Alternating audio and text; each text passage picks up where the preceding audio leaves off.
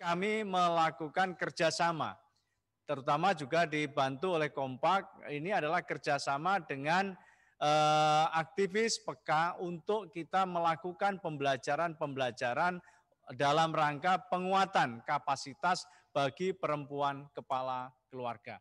Mudah-mudahan ke depan ini tentunya dengan tema yang kita ambil hari ini adalah feminisasi kemiskinan Jangan sampai istilahnya kemiskinan ini adalah menjadi domain yang feminis saja. Tapi kemiskinannya yang kita hilangkan, tetap peran perempuan akan menjadi semacam katakanlah kata kunci bagi kita mendorong eh, terutama adalah percepatan dalam kita mendorong menghilangkan kemiskinan dan juga meningkatkan kesejahteraan masyarakat. Pak Menteri dan juga hadirin yang kami hormati, ini adalah sebetulnya tujuan kita melakukan seminar kali ini. Kami mohon arahan dan juga saran bagaimana isu yang terkait dengan feminisasi kemiskinan ini ini eh, bisa kita respon dengan program-program ke depan yang cukup efektif. Kami juga eh, memang Kementerian Desa di bawah arahan Pak Menteri saat ini mendorong adanya SDGs desa. Mudah-mudahan di SDGs desa ini ini kita bisa respon terkait dengan feminisasi kemiskinan. Sekali lagi kami ucapkan juga terima kasih kepada uh, pemerintah Australia, kepada Kompak, kepada seluruh mitra-mitra kami yang uh, hari ini selalu uh, memberikan sumbangsih dan juga dorongan untuk melaksanakan program-program yang dilaksanakan di Kementerian Desa, PDT, dan Transmigrasi. Demikian kata sambutan dan terima kasih. Uh, dan mohon maaf atas segala kesalahan. Wabillahi taufiq wal hidayah. Wallahu maafiq ila Wassalamualaikum warahmatullahi wabarakatuh. Terima kasih banyak Pak Anwar atas sambutannya. Sambutan Bapak tadi sekaligus mengantarkan kita pada pidato kunci dari Bapak Menteri. Eh, Bapak Abdul Halim Iskandar, waktu saya persilahkan, arahan dari Bapak kami nantikan. Assalamualaikum warahmatullahi wabarakatuh. Selamat siang dan salam sejahtera untuk kita semua. Salam, Om Swastiastu, salam kebajikan. Yang saya banggakan dan kita hormati bersama seluruh yang sudah disebut oleh Pak Anwar tadi, biar tidak usah mengulang. Pada intinya saya sangat berterima kasih pada siang hari ini menjadi bagian penting dari pembahasan kita terkait dengan perempuan dan tentu adalah upaya-upaya untuk tindak lanjut atas komitmen kita menempatkan perempuan pada posisi yang sebenarnya. Hampir semua agama dan saya yakin semua agama, utamanya yang saya tahu adalah Islam, menempatkan perempuan pada posisi yang sangat mulia. Perempuan adalah tiang agama. Perempuan adalah tiang negara. Perempuan adalah penentu masa depan bangsa. Dan berbagai macam atribut yang luar biasa ditempatkan pada perempuan. Di sisi lain, kita sering kali eh, kurang atau kalau boleh agak kasar dikit ya abai terkait dengan positioning perempuan di dalam proses pembangunan. Termasuk perhatian kita terhadap kondisi objektif yang dihadapi oleh perempuan itu sendiri. Itulah makanya ketika saya diberi amanat oleh Bapak Presiden Jokowi untuk menjadi atau bertugas sebagai Menteri Desa Pembangunan Daerah Tertinggal dan Transmigrasi, Pertama yang saya telah adalah bagaimana positioning perempuan di dalam berbagai kebijakan pembangunan di desa. Alhamdulillah eh, sudah cukup lumayan karena apa? Salah satu program unggulan di Kementerian Desa yang disebut dengan padat karya tunai desa yang bentuk kegiatannya ini ber, apa, lebih ke arah memperbanyak keterlibatan masyarakat sebagai tenaga kerja, itu di sana ada syarat-syarat kunci yang eh, mengatur siapa yang dilibatkan di dalam padat karya tunai desa. Yang pertama adalah mereka dari kelompok miskin. Yang kedua kelompok penganggur. Dan yang ketiga kelompok marginal lainnya. Nah, tiga-tiganya ini ada pasti ada uh, unsur perempuan. Di kelompok miskin pasti ada perempuan, kemudian di kelompok penganggur juga pasti ada perempuan, masih ditambah lagi di kelompok marginal lainnya. Nah ini juga pasti juga lebih didominasi atau lebih banyak uh, dari teman-teman atau ibu-ibu perempuan. Nah ini ini bagian penting dari uh, langkah-langkah berikutnya. Artinya pada sisi itu Kementerian Desa selama ini memang sudah menempatkan perempuan sebagai posisi penting dan strategis di dalam keterlibatan proses pembangunan. Termasuk di dalamnya adalah uh, musdes misalnya, musyawarah desa, itu juga harus ada perempuannya. Kemudian BPD, Badan Perwakilan Desa juga ada harus ada unsur perempuannya. Nah, keterlibatan-keterlibatan perempuan ini sejak uh, saya ditugasi oleh Pak Menteri, Pak Presiden untuk jadi Menteri Desa, Pembangunan Daerah Tertinggal dan Transmigrasi termasuk menjadi fokus utama saya. Itulah makanya ketika ada kebijakan pemerintah, bantuan langsung tunai desa, BLT, dana desa, sebagai bagian dari jaring pengaman sosial untuk COVID anti apa penanganan COVID-19 dari sektor ekonomi dan karena padat karya tunai desa ini ah, bantuan langsung tunai desa ini duitnya ada di desa maka kebijakan kita adalah segala sesuatunya dari desa oleh desa untuk desa dengan beberapa catatan. Catatan pertama, pendataan oleh relawan desa lawan COVID yang ada di tiap-tiap desa yang diketuai langsung oleh kepala desa dan di dalam relawan desa lawan COVID itu ada PKK, ada unsur perempuan yang harus dilibatkan utamanya nanti pada aspek sosialisasi. Yang kedua terkait dengan uh, siapa yang didata. Siapa yang didata tentu harus dimulai dari melihat kondisi objektif tiap-tiap wilayah desa, di mana hampir dipastikan dari pengalaman saya, karena selama saya jadi ketua DPRD Jawa Timur, kita punya program namanya Koperasi Wanita, Kopwan, yang dasar pemikirannya sangat sederhana. Kalau ada urusan duit, kemudian dipegangkan ke bapak-bapak, pasti jauh lebih rumit dan lebih membahayakan daripada diserahkan kepada ibu-ibu. Itu filosofi Kopan kita di Jawa Timur waktu itu. Dan memang betul, ketika kita serahkan kepada ibu-ibu, kepada kelompok perempuan, kelompok uh, kop, dengan sebutan Kopan itu, perjalanan uh, bantuan kita untuk koperasi luar biasa bagusnya. Karena tidak ada ibu-ibu yang kemudian uh, memanfaatkan duit itu untuk sementara waktu.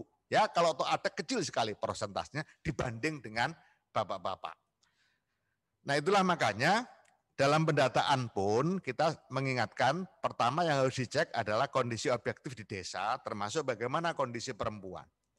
Kemudian yang kedua mereka-mereka yang belum terdata di seluruh jaring pengaman sosial yang sudah ada. Utamanya di Kementerian Sosial, PKH, eh, bantuan pangan non tunai dan lain-lain.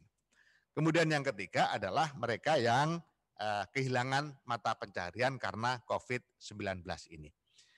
Nah, yang menarik sekali ketika data ini kita peroleh, justru yang terbanyak dari peka itu yang terkait dengan belum terdata. Itu artinya, saya juga agak kaget juga, 81 persen KPM BLT dana desa dari keluarga miskin yang baru kali, baru pertama kali mendapat bantuan pemerintah. Itu eh, posisi dana desa yang mengcover 81 persen karena selama ini sebenarnya dia punya hak tapi tidak belum mendapatkan bantuan pemerintah. Begitu juga ketika ngomong peka, perempuan kepala keluarga yang jumlahnya 33 persen tadi, antara 31 sampai 33, itu yang terbanyak memang yang juga belum terdata. Belum terdata. Kemudian kalau dilihat dari sisi usia, tertinggi ada 827 ribu atau 34 persen PK perempuan kepala keluarga itu usianya 65 tahun ke atas. Yang usianya 30 sampai 44 itu hanya 20 persen, kemudian 45 sampai 54 16 persen, dan seterusnya. Nah tertingginya justru ada pada posisi 65 tahun ke atas. Ini artinya bahwa eh, apa yang saya prediksi terkait dengan pendataan BLT dana desa untuk lebih melihat secara objektif kondisi di desa ini terwujud dan memang terbukti. Sebenarnya sudah kita prediksi karena memang pengalaman saya di Jawa Timur cukup uh, memberikan banyak pemahaman kami terhadap kondisi dan posisi uh, perempuan. Nah, sampai hari ini alhamdulillah dana desa yang sudah tersalur dari total itu ada 13 triliun, sudah 13 triliun sampai bulan ke-6. Meskipun untuk bulan ke-6 ini baru 3 miliar 367 juta 200 ribu. Sedangkan untuk bulan kedua sudah mencapai 4 triliun. Bulan pertama 4,7 triliun dan seterusnya pasti akan terus meningkat sesuai dengan tahapan yang dilakukan. Nah inilah eh, terkait dengan kondisi lapangan yang kita lihat. Kemudian dari 33 persen perempuan kepala keluarga, kalau kita tilik dari jenis pekerjaannya, itu yang terbanyak itu adalah buruh tani. 42 persen atau 1 juta 43 ribu 354 eh, perempuan kepala keluarga penerima BLT dana desa itu pekerjaannya buruh tani. Kemudian yang kedua petani pemilik lahan 31 persen lumayan, tapi ini lahan yang kecil 0,4 hektar. Kemudian petani penggarap hanya 15 persen. Yang lain-lain satu persen. Misalnya nelayan pemilik perahu itu cuma satu persen. Buruh nelayan, memang nelayan kecil. Pedagang makanan itu cuma tiga persen. Kemudian penyedia jasa hanya satu persen. Jadi yang terbanyak memang di sektor pertanian.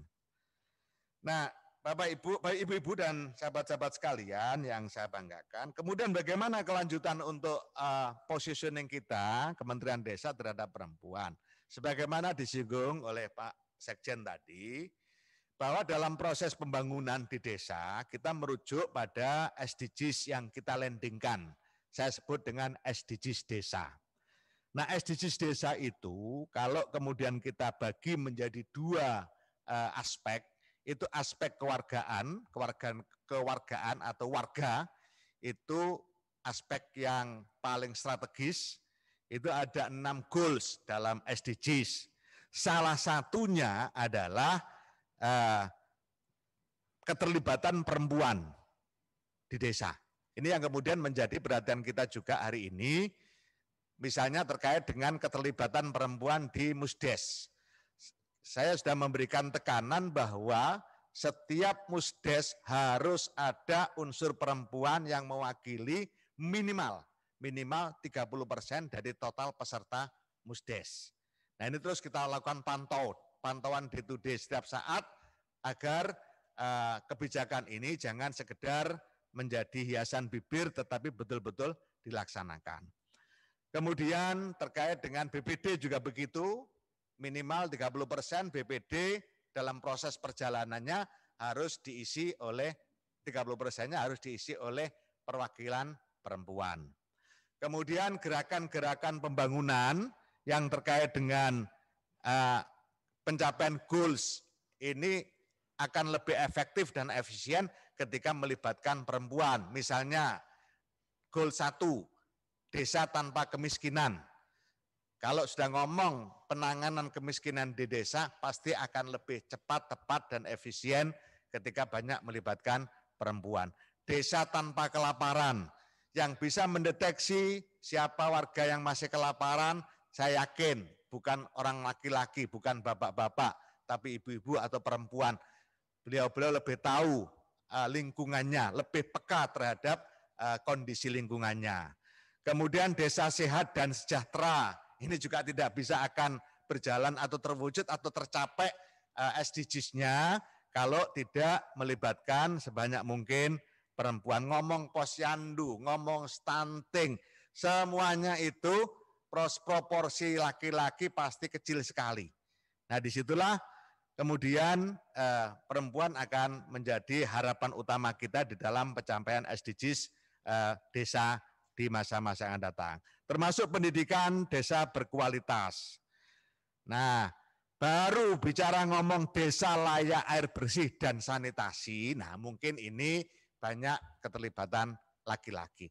Kemudian di kewilayahan memang banyak laki-laki yang perlu dilibatkan. Tetapi kewilayahan itu sebenarnya salah satu faktor yang uh, lebih didominasi oleh uh, faktor ke, kewargaan atau warga desa. Nah harapan itulah yang kemudian ke depan keterlibatan perempuan di pembangunan desa melalui berbagai regulasi yang dilakukan oleh Kementerian Desa bisa di apa dilibatkan dengan lebih maksimal. Saya pikir itu sekedar uh, paparan singkat yang bisa saya sampaikan.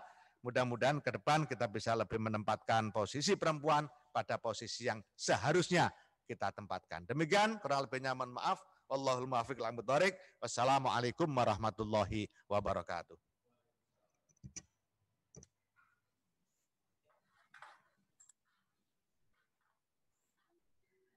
Terima kasih banyak Pak Menteri atas paparannya. Uh, Pak Menteri mengingatkan kita semua tentang dimensi ganda kerentanan dalam pandemi ini, uh, Bapak dan Ibu peserta sekalian. Ada perempuan, tapi ada juga perempuan yang kepala keluarga, ada perempuan lansia, ada anak perempuan, ada perempuan dengan disabilitas, dan berbagai irisan lainnya yang sangat dinamis dan saling menyumbang pada risiko kemiskinan perempuan. Di saat yang sama, Pak Menteri juga mengingatkan bahwa perempuan menjadi kekuatan pendorong perubahan di desa. Nah, eh, pesan tersebut sangat pas mengantarkan kita pada sesi berikutnya untuk berbicara tentang perempuan yang mengatasi kemiskinan perempuan dan kelompok marginal lainnya. Saya undang sahabat saya, Ibu Nani Zumilnarni, Direktur PK, untuk mempresentasikan hasil pemantauan pelaksanaan program Bansos dari pemerintah pusat di saat pandemi COVID-19. Eh, pemantauan ini didukung di antaranya oleh Mampu, Kompak, dan WVL Kanada. Waktu 15 menit saya persilahkan Mbak Nani. Baik, terima kasih Santi. Uh, selamat siang Bapak Menteri kalau masih ada dan Pak Sekjen. Terima kasih sudah membuka acara ini dan memberikan keynote yang sangat kuat sekali untuk mendukung apa yang kami pantau dan juga Bapak-bapak, Ibu-ibu, para panelis serta para peserta yang banyak sekali berada di seluruh Indonesia.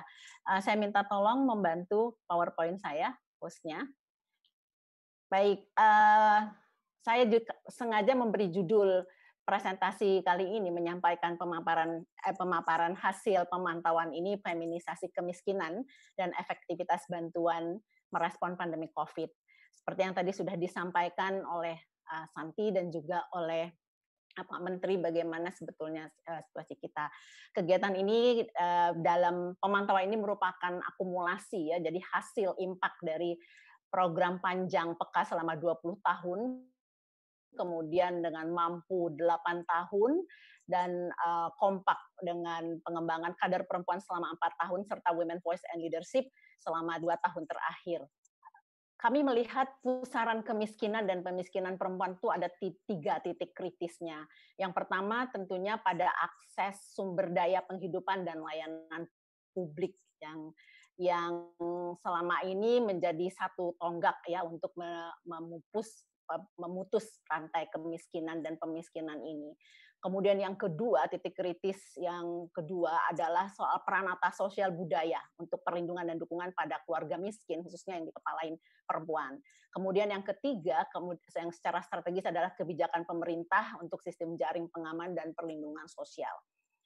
Nah, um, mengapa saya kami mengatakan feminisasi kemiskinan? Seluruh dunia membuat satu indikator yang sangat penting dalam feminisasi kemiskinan yang sebetulnya terjadi di seluruh dunia adalah soal keberadaan perempuan yang menjadi kepala keluarga. Uh, slide berikutnya. Di Indonesia, kalau kita lihat data BPS, itu secara konsisten dari tahun 85 sampai tahun 2019, data terakhir menunjukkan kenaikan yang sangat signifikan dari jumlah rumah tangga yang dikepalai perempuan. Slide berikutnya. Nah, sus, data antar sensus Supas tahun 2015 itu mengatakan jumlah itu adalah uh, sebanyak sekitar 19,45 juta Eh, keluarga. Jadi itu yang dikepalai perempuan ya, karena memang rumah tangga dan keluarga itu berbeda. Kalau rumah tangga satu rumah tangga bisa terdiri dari 1,23 keluarga gitu jumlahnya. Jadi jumlahnya lebih besar keluarga. Slide berikutnya. Saya juga mengutip eh, data dari Kementerian Desa yang ini juga menjadi salah satu indikator eh, proses feminisasi kemiskinan itu memang real ya, emang nyata di Indonesia dari data terakhir bulan Juli Kementerian Desa, 31 persen penerima dari BLTDD itu adalah perempuan kepala keluarga. Dan saya sangat berterima kasih, sangat mengapresiasi Kementerian Desa, Pak Menteri yang telah mengadopsi penggunaan istilah perempuan kepala keluarga. Ini perjalanan panjang ya, karena selama ini tidak di, di narasi kita tidak tidak dikenal perempuan kepala keluarga, tapi lebih pada kepala rumah tangga. Dan di, Pulau Jawa, di Pulau Jawa bahkan sampai 52 persen. Ini data dari Kementerian Desa. Nah, karena itulah kemudian kita ke uh, slide berikutnya peka dengan dukungan dari mampu uh, melalui program perlindungan sosial, kemudian dengan kompak dari program untuk memperkuat kader-kader desa serta program dari Women Voice and Leadership dengan dukungan Kanada untuk Eh, melihat isu-isu strategis dari perempuan, ini melakukan pemantauan karena di COVID banyak kegiatan yang kita tertunda, kemudian kita memutuskan memanfaatkan memanfaatkan tenaga-tenaga kader, kader keberadaan bukan tenaga keberadaan kader-kader perempuan dari perjalanan panjang pemberdayaan dan pengorganisasian ini yang masih bisa bergerak di desa untuk melakukan pemantauan langsung. Jadi pemantauan kami lakukan dari bulan tanggal 21 Mei sampai 3 Juni secara maraton intensif di 17 provinsi, 42 kabupaten, 69 kecamatan, 90 desa, menyensus 6.559 kepala keluarga dan menginterview 87 aparat desa di wilayah-wilayah ini. Slide berikutnya. Ini gambarnya. Tadi uh, data ini sangat sangat sejalan ya, sangat sejalan dengan data yang disampaikan oleh Pak Menteri soal keberadaan perempuan kepala keluarga. Dan dan misalnya dari uh, aspek usia saja. Tadi di data desa yang secara masif itu juga menunjukkan bahwa yang terbanyak itu di usianya yang uh, di atas 50 tahun ya. Dan kebanyakan perempuan menjadi kepala keluarga itu karena uh, suami meninggal. Jadi janda yang ditinggal meninggal oleh suaminya. Namun ada juga yang uh, cara hidup cukup tinggi mencapai 20% dan uh, yang masih dalam perkawinan namun faktor-faktor lain termasuk pendidikan. Kita lihat walaupun secara umum pendidikan masyarakat desa itu relatif rendah tapi dibanding jauh lebih lebih rendah. Yang tidak bersekolah itu mencapai 38 persen dan di bawah SD SD sederajatnya 39 persen. Hanya sedikit sekali yang uh, menyelesaikan pendidikan tinggi ya 2 persen. Untuk usia tadi saya sudah sampaikan ini sama dengan yang yang hampir sama ya dengan sejalan dengan yang disampaikan oleh Pak Menteri bahwa terbesar itu berada perempuan kepala keluarga itu berada di usia di atas 51 tahun. Jadi ada 61 persen berada di atas uh, 51 tahun. Jadi memang usia-usia yang uh, di dalam kultur kita itu usia dilematis ya dianggap tua, tidak berguna, tapi sebetulnya sangat produktif gitu. Mereka menghidupi dirinya sendiri dan invisible di dalam di dalam sistem. Uh, slide berikutnya. Nah, kami melihat, jadi kita juga memantau berapa banyak sih, berapa jenis gitu bantuan yang mereka terima. Jadi ada bansos, ada BLTDD, ada bantuan-bantuan dari berbagai pihak. Cukup banyak juga yang mendapatkan lebih dari uh, satu jenis bantuan gitu. Jadi di sini kita sudah bisa mulai mencurigai gitu ada ada kesalahan data dan informasi karena kebijakan pemerintah kan sebetulnya tidak boleh overlapping bantuan kecuali untuk hal-hal tertentu ya. Jadi ini ini yang me, yang kita memang tidak mendalami lebih jauh tapi sudah menunjukkan indikasi itu. Uh, berikutnya, slide berikutnya, berikutnya lagi, slide berikutnya lagi.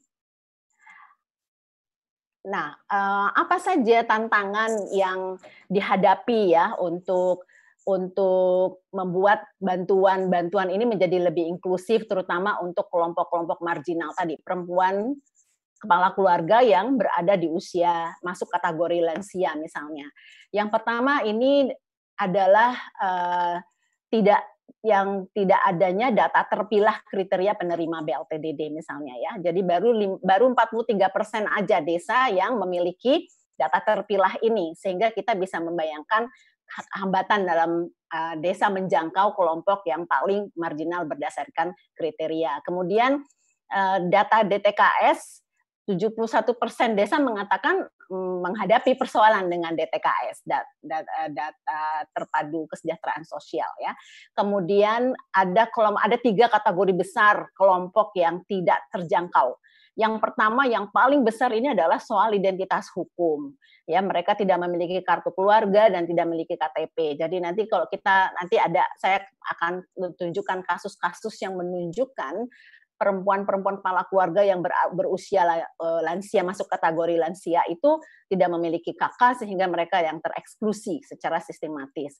Masalah data DTKS ini uh, kita semuanya juga ini sebetulnya bukan hal rahasia ya, dia cuma banyak pihak yang apa, menyorotin hal ini juga misalnya orang yang meninggal masih terdata, pindah tempat masih terdata, tidak miskin terdata, miskin tidak terdata, ada yang double data gitu, alamat tidak jelas dan sebagainya. Berikutnya kalau tadi jadi salah satu hal yang kita apresiasi dari Kementerian Desa adalah kementerian yang pertama sekali mengeluarkan kebijakan afirmasi untuk memberikan dukungan penuh kepada perempuan kepala keluarga dan menggunakan narasi perempuan kepala keluarga. Namun kita kemudian mencoba melihat nih nanti mungkin uh, bisa di di apa direspon oleh Pak Bito dari Kementerian Desa di lapangannya seperti apa kita menanyakan apakah ada kebijakan afirmasi khusus untuk membantu perempuan miskin pada masa pandemi, khususnya yang menghadapi eh, kendala-kendala ya. Uh, baru 22 persen yang mampu menerjemahkan kebijakan dari pusat untuk kemudian membuat kebijakan afirmasi. Lalu eh, bentuk-bentuk yang 22 persen ini mereka membuat kebijakan-kebijakan khusus yang cukup potensial untuk dikembangkan mendukung tadi gagasan-gagasan besar yang disampaikan oleh Pak Menteri tentang desa SDGs ya yang pertama program pangan. Mereka fokus ke program pangan, memberikan program pangan khusus kepada perempuan. Kemudian program kesehatan khususnya kesehatan reproduksi itu sudah ada desa yang memberikan kebijakan ini. Lalu pendidikan juga khusus untuk pendidikan perempuan, keterampilan, modal usaha dan dukungan-dukungan spesifik lainnya kepada perempuan termasuk untuk mendapatkan identitas hukum. Namun kita cukup prihatin karena 78% desa lainnya belum melakukan. Sementara itu untuk pelibatan perempuan di PKT ini program untuk uh, apa uh, fisik ya uh, hanya 31 persen yang melibatkan perempuan. Berikutnya. Nah, kita ketika kita menanyakan apa upaya dari desa ini untuk memastikan tidak ada kelompok yang tertinggal. Ada inovasi-inovasi yang sudah dilakukan sebetulnya dan ini yang membutuhkan apa dorongan untuk dari pemerintah pusat dan kelompok-kelompok masyarakat lainnya untuk memastikan desa yang sudah memiliki niat ya untuk membuat desanya menjadi lebih inklusi. Misalnya eh, pendataan, jadi dilakukan ulang, pendataan ulang karena Kemensos juga membuka peluang ini, tapi tidak semua desa bisa apa berani gitu untuk melakukannya dan mau ya punya politika biasanya cuma ya udahlah pakai data yang ini aja. Lalu verifikasi melalui musyawarah desa secara terbuka melibatkan perempuan miskin. Jadi kalau tadi Pak Menteri mengatakan eh, ada kelompok PKK, ya PKK selalu karena PKK itu berada di dalam struktur desa. Tapi yang dilakukan banyak beberapa desa yang melakukan afirmasi adalah melibatkan khusus, mengundang khusus perempuan misalnya tadi kelompok peka, kelompok tani, kelompok uh, minoritas dan disabilitas yang yang secara khusus diundang untuk hadir sehingga mereka bisa duduk bersama juga dengan perempuan yang termasuk dalam kategori elit desa. Uh, di informasi yang terbuka ini juga hal yang dilakukan untuk mengatasinya. Berikutnya, slide berikutnya. Uh, tadi ada jadi ada tiga ada ada kondisi yang sangat spesifik yang dihadapi oleh perempuan kepala keluarga yang menyebabkan mereka tereksklusi secara struktural gitu di dalam sistem-sistem untuk bantuan dan akses sumber daya. Jadi uh, mereka terutama karena usia ya karena lansia. Di Indonesia memang ada persepsi bahwa lansia itu menjadi tanggungan anaknya. Lansia itu ditanggung diperhatikan oleh keluarganya, tetapi tidak melihat secara lebih dalam bahwa keluarganya, anaknya pun kadang-kadang masih dalam kondisi yang sangat miskin. Saya hanya ingin menunjukkan tiga kasus ya, tiga kasus yang kami kumpul, yang, yang dari banyak cerita yang dikumpulkan oleh para uh, peneliti. Yang pertama ada nenek Mide ini dia uh, lumpuh, umurnya 61 tahun, biasanya dia sangat mandiri, tapi sudah berapa lima tahun terakhir dia lumpuh, dia tidak bisa mendapatkan bantuan karena dia kakaknya tidak ada. Jadi dia tergabung dalam kakak anaknya yang rumahnya terpisah sebetulnya. Jadi dia hidup sendiri, anaknya datang setiap hari untuk membantu. Nah ini uh, dia tidak mendapatkan ketika diadvokasi oleh teman-teman kader di Sampang Madura, kepala desanya mengatakan ya tidak bisa karena kalau misalnya dia diberikan nanti banyak sekali ibu-ibu perempuan-perempuan kepala keluarga yang tua-tua ingin pisah kakak dari anaknya. Ini satu persoalan. Namun akhirnya dengan advokasi yang kencang kelompok kader-kader PK di wilayah ini mampu memberikan, mampu melunakkan hati kepala desanya untuk akhirnya nenek Mida ini mendapatkan BLTDD setiap 6 yang 600 ribu itu. Kemudian di Oki di Sumatera Selatan juga demikian ada nenek murni 60 tahun. Dia suka sudah sakit-sakitan. Tadinya dia sangat produktif tapi karena sudah sakitan tidak bisa. Dia sebetulnya punya gitu menerima undangan kartu dapat Rastra dan PKH tapi ketika ingin mencairkannya itu dia dihambat dengan berbagai macam alasan gitu. Sehingga dia juga tidak sanggup lagi untuk bulak-balik gitu ya ke uh, kabupaten untuk mendapatkan bantuan ini. Yang satu lagi Temo Embuda ini di Bima. Ini uh, tunanetra jadi disabilitas yang selama ini tuh dia bekerja. Walaupun dia disabilitas dia bekerja dengan penghasilan 10.000 per hari membantu anggota PK yang lainnya untuk memproduksi pangan. Tapi karena Covid semua terhenti, dia pun kemudian tidak menghasilkan tidak dapat uh, penghasilan dan ibu-ibu PK lainnya yang biasa membantu beliau juga menghadapi dampak ekonomi yang luar biasa dari Covid sehingga tidak bisa membantu. Nah, dia tidak mendapatkan bantuan gitu, tidak mendapatkan bantuan sosial ini karena memang tidak terdata. Jadi tadi Pak Menteri juga sudah menyampaikan bahwa persoalan uh, data ini menjadi sangat sangat krusial. Nah, apa rekomendasi kami untuk di menjadi eh, pembahasan pada hari ini? Yang pertama, penting sekali untuk mengintegrasikan bantuan sosial BLTDD ini dalam kerangka pemberdayaan ekonomi yang berkelanjutan. Jadi misalnya Kementerian Koperasi punya apa punya dana juga untuk ekonomi, tapi kita melihat itu belum uh, belum ramah ya, belum ramah terhadap perempuan usaha sangat mikro di pedesaan karena lebih lebih bias kota dan usaha-usaha yang sifatnya menggunakan online. Lalu uh, rekomendasi kami yang kedua adalah sistem data dan pendataan yang harus berbasis komunitas gitu. Jadi pendekatan dari bawah transparan dan terbuka. Kita melihat hasil impact dari pemberdayaan perempuan yang dilakukan oleh berbagai program selama ini termasuk misalnya mampu 8 tahun itu menghasilkan ratusan ribu kader-kader perempuan ya dari di seluruh Indonesia misalnya. Lalu program kompak dengan pendidikan kader perempuan juga ini menjadi potensi yang sangat besar untuk bisa terlibat menjadi bagian dari proses pendataan. Nah, di WVL kita uh, mengarahkan proses-proses pemberdayaan ini akan melahirkan kader-kader perempuan yang kuat dalam uh, berinteraksi memastikan proses-proses di masyarakat terjadi secara inklusif. Yang ketiga, sistem data ini harus terpilah. Jadi terpilah berbagai macam kriteria yang selama ini mengeksklusi kelompok-kelompok marginal. Jadi misalnya ya tentu saja yang pertama terpilah gender, lalu disabilitas, kemudian lansia, dan kondisi-kondisi khusus lainnya, misalnya wilayah terpencil, kepulauan, atau kelompok minoritas, suku teras, suku eh, minoritas, suku terasing, ini semuanya harus ada pilihan yang yang jelas karena biasanya membutuhkan pendekatan yang berbeda dalam eksekusi program. Yang keempat adalah kebijakan afirmasi untuk kelompok tereksklusi. Jadi salah satu contoh baik misalnya yang sudah dilakukan oleh Kementerian Desa dengan memuat secara uh, apa eksplisit narasi keberadaan perempuan kepala keluarga. Jadi ini satu apa ya satu uh, transformasi yang sangat besar lompatan yang besar yang dilakukan oleh Kementerian Desa dengan me mengakui keberadaan perempuan kepala keluarga sebagai salah satu komponen masyarakat yang sangat penting kalau kita ingin mengentaskan kemiskinan uh, di Indonesia sampai seminimal mungkin, maka yang tersisa saat ini ketika sebelum COVID di bawah 10% adalah sebagian besarnya sekitar 67% itu perempuan kepala keluarga. Jadi yang hanya bisa dijangkau dengan pendekatan-pendekatan spesifik, pendekatan-pendekatan khusus yang memberdayakan.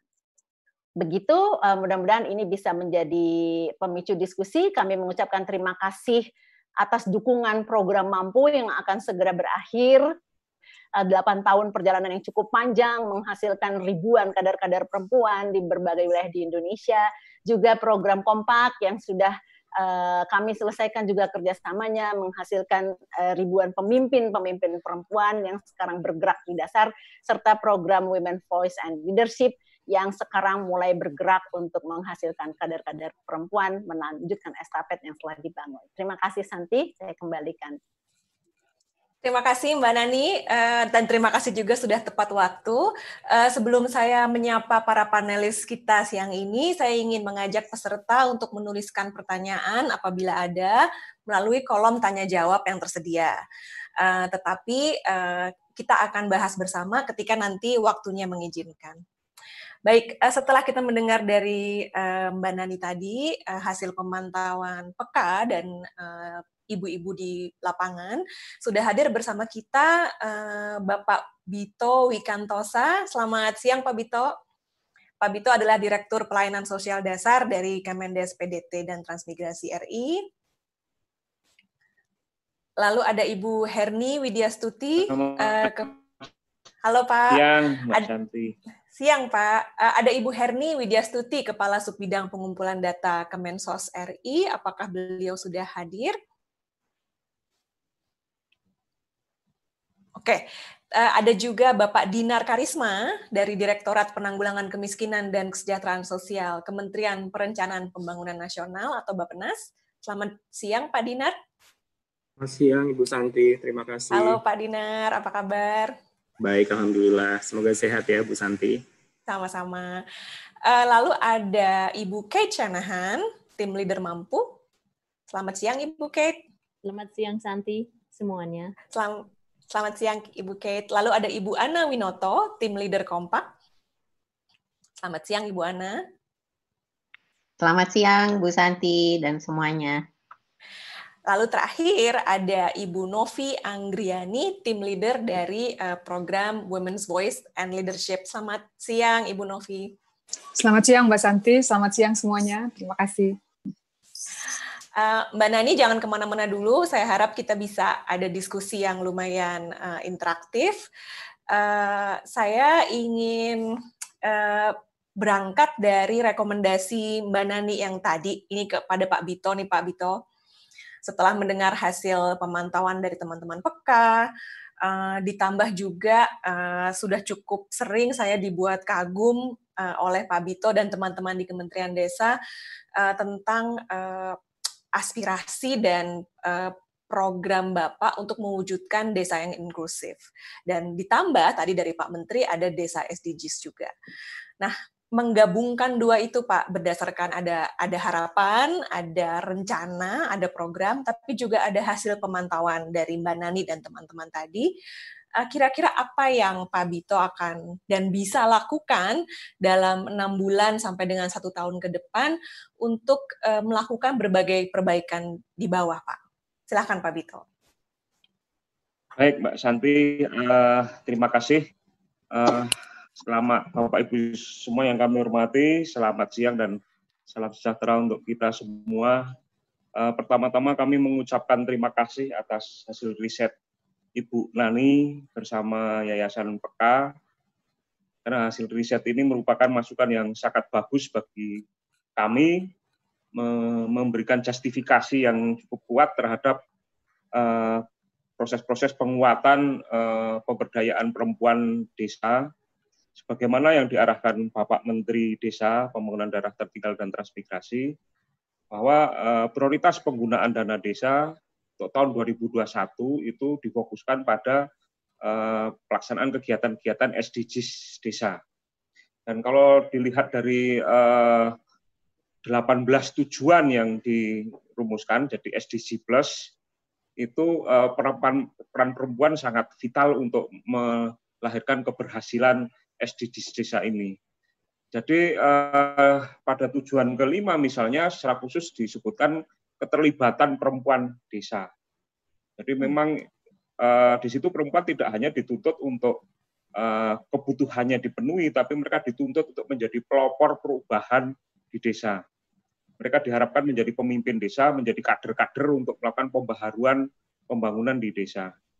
Nah, dalam waktu enam bulan sampai tahun ke depan, tentu saja eh, masukan-masukan eh, dari ibu-ibu semua yang bergerak di dalam pemberdayaan perempuan sudah kami tampung, bahkan kami bersama Kompak dan Mampu yang di situ ada Ibu Nani dan Mbak Misi juga sedang menyusun eh, panduan pemberdayaan perempuan. Jadi kita mempersiapkan upaya keterlibatan perempuan desa nanti seperti apa.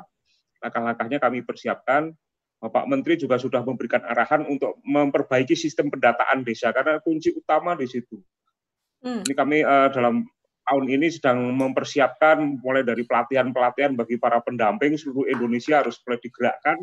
Mereka menata kembali sistem pendataan desa, belajar dari pengalaman COVID-19 ternyata data itu begitu penting. Data yang terpilah misalnya antara perempuan laki-laki yang sampai sangat detail, sampai juga data tentang peka, kondisi hidup mereka dan segala macamnya, masalah yang dihadapi dan segala macam itu menjadi sangat penting untuk merumuskan perencanaan pembangunan di desa.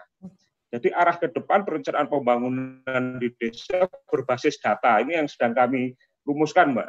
Bahkan di hmm. prioritas penggunaan dana desa 2021 uh, pendataan harus dibiayai oleh de, uh, dana desa untuk memperbaiki sistem perencanaan pembangunan desa itu sendiri. Ini sedang kami persiapkan, Mbak, dalam kondisi memang Kementerian Desa juga anggarannya uh, secara signifikan kan di di refocusing, Mbak. Tapi kami hmm. tetap berupaya dalam waktu enam bulan ke depan melakukan langkah-langkah persiapan, termasuk desa inklusif.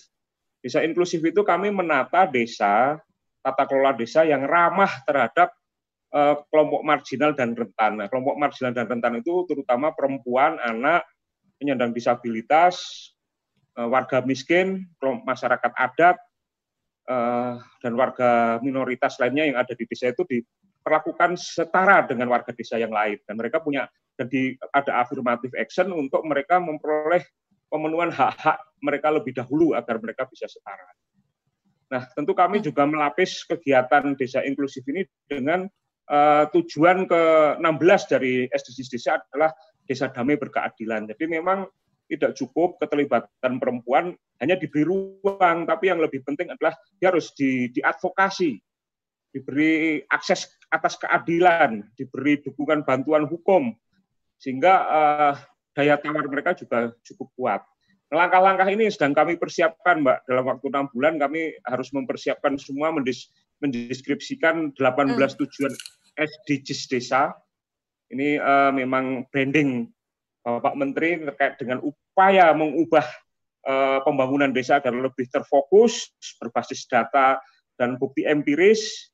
Ini memang uh, merupakan upaya kami uh, me, apa namanya, mengubah kebijakan berdasarkan masukan-masukan dari uh, Bapak Ibu semua, termasuk juga bagaimana meningkatkan partisipasi perempuan ini memang kami upayakan jadi dengan uh, mendesain uh, berbagai kebijakan yang uh, akan kami lakukan.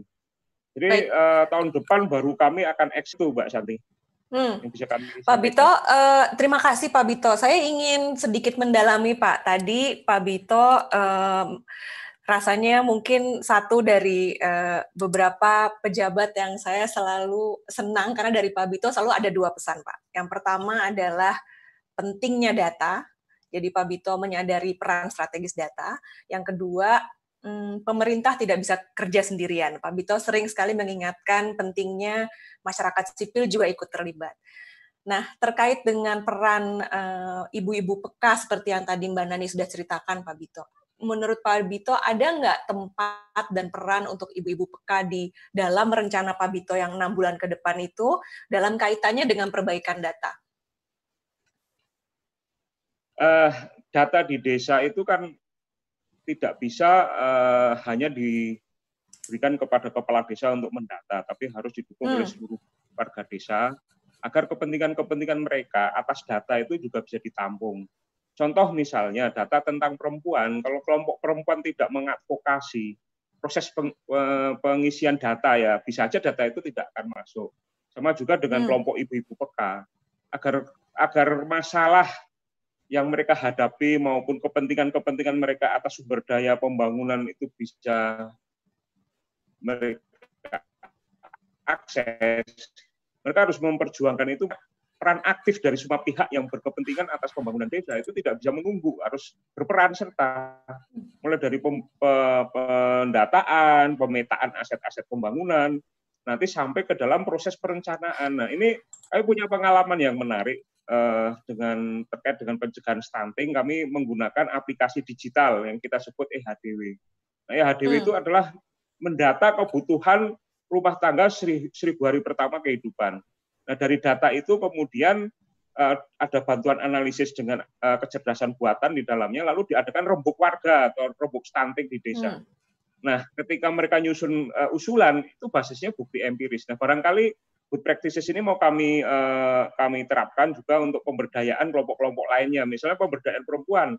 Nanti uh, kan ini sedang kami siapkan SID, Sistem Informasi Desa. Nah, ya. Dari sistem informasi desa kan diketahui nih masalah-masalah peka ada di mana. Nah, mereka bisa hmm. melakukan rembuk warga, Bu. Sebelum musyawarah desa itu dilakukan rembuk warga. Nah, sehingga ketika musyawarah desa terjadi, suara-suara yang dari kelompok perempuan kepala keluarga ini bisa kemudian dibahas dan disepakati di dalam musyawarah desa. Langkah-langkah strategis hmm. yang harus dilakukan karena tidak bisa hal-hal yang berkait kepentingan dengan ibu-ibu uh, uh, peka itu akan datang dari langit, Bu. Ya. Karena ya, kebaikan hati harus mereka harus mau ya. mendiskusikan ya. di desa. Saya kira itu, Bu. Baik, terima kasih Pak Bito. Uh, selanjutnya ini sangat pas dengan pertanyaan untuk Ibu Herni. Apakah Ibu Herni dari Kemsos sudah bergabung lewat telepon? Teman-teman panitia? Ya, Ibu. Mm, sudah. Ah, Ibu Herni, selamat siang. Selamat siang, Mbak. Ya, semoga Ibu Herni ada di tempat yang aman, tapi belum bisa bergabung lewat video ya, Bu ada keterbatasan entah karena jaringan atau karena server ini sehingga saya tidak bisa mengikuti melalui Zoom. Tidak apa-apa Bu Herni. Uh, baik, semoga tadi Ibu Herni sudah sempat mendengarkan paparan dari Bu Nani dan juga uh, penjelasan Pak Bito barusan. Nah, salah satu yang dibahas tadi Bu adalah uh, peran warga dalam mengumpulkan dan memperkaya data dari tingkat desa gitu Bu. Sementara di sisi lain kita tahu ada banyak masukan terhadap kualitas data dalam DTKS, utamanya eh, ketika respon pandemi ini Bu Herni. Nah, saya ingin mendengarkan dari Bu Herni dari Kemsos yang mengelola DTKS, eh, sebetulnya ada nggak sih Bu mekanisme eh, yang menghubungkan data yang dikumpulkan oleh warga pada proses-proses pemutahiran data di DTKS, Bu Herni. Silakan Bu Herni. Iya, terima kasih. Sebelumnya saya ucapkan selamat siang. Assalamualaikum warahmatullahi wabarakatuh. Salam sejahtera bagi kita semua. Uh, izin mohon maaf jika terbatas ini suaranya tidak jelas dan tidak ada gambarnya karena hanya jelas kok Bu Herdi jelas jelas silahkan uh, melanjutkan dari paparan tadi dan uh, dan dari Pak Dito dari Kemendes juga uh, jadi untuk uh, pemutahiran data terpadu kesos data, data DTKS itu sudah sudah jelas uh, disebutkan dalam Undang-Undang Nomor 13 Tahun 2011 tentang penanganan fakir miskin. Bahwa uh, untuk pendaftaran uh, rumah tangga atau uh, keluarga baru itu secara aktif dilakukan oleh masyarakat melalui kantor desa atau kelurahan dalam hal ini uh, dalam hal ini sudah diketahui atau melalui uh, kepala desa atau lurahnya seperti itu.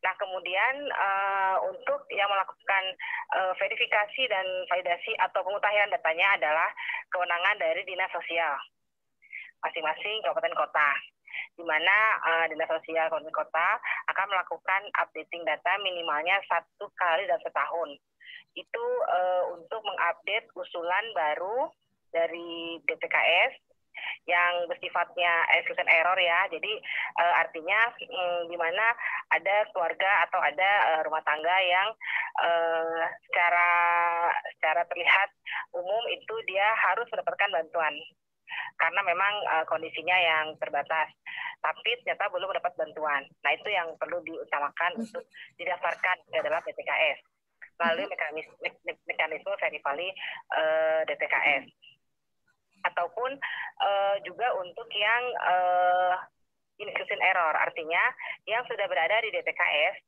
keluarga tersebut tapi sebetulnya sudah tidak layak lagi untuk mendapatkan bantuan karena sudah mampu.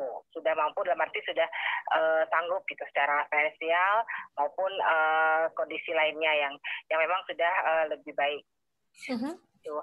Nah, kemudian uh, dalam hal ini uh, Kementerian Sosial sudah uh, berkoordinasi secara terus-menerus dan progres dengan Dinas Sosial untuk uh, melakukan uh, pengayaan uh, sumber daya manusianya dalam hal ini uh, memberikan kesempatan kepada dinas sosial kabupaten kota untuk uh, melakukan verifikasi dan validasi data terpadu ini. Hmm kemudian uh, melalui aplikasi uh, Jadi uh, ada di kami itu uh, aplikasi sistem informasi kesejahteraan sosial next generation yang memang uh, sudah uh, diberikan kepada luar kota, kota uh, untuk melakukan updating data DTKS tersebut.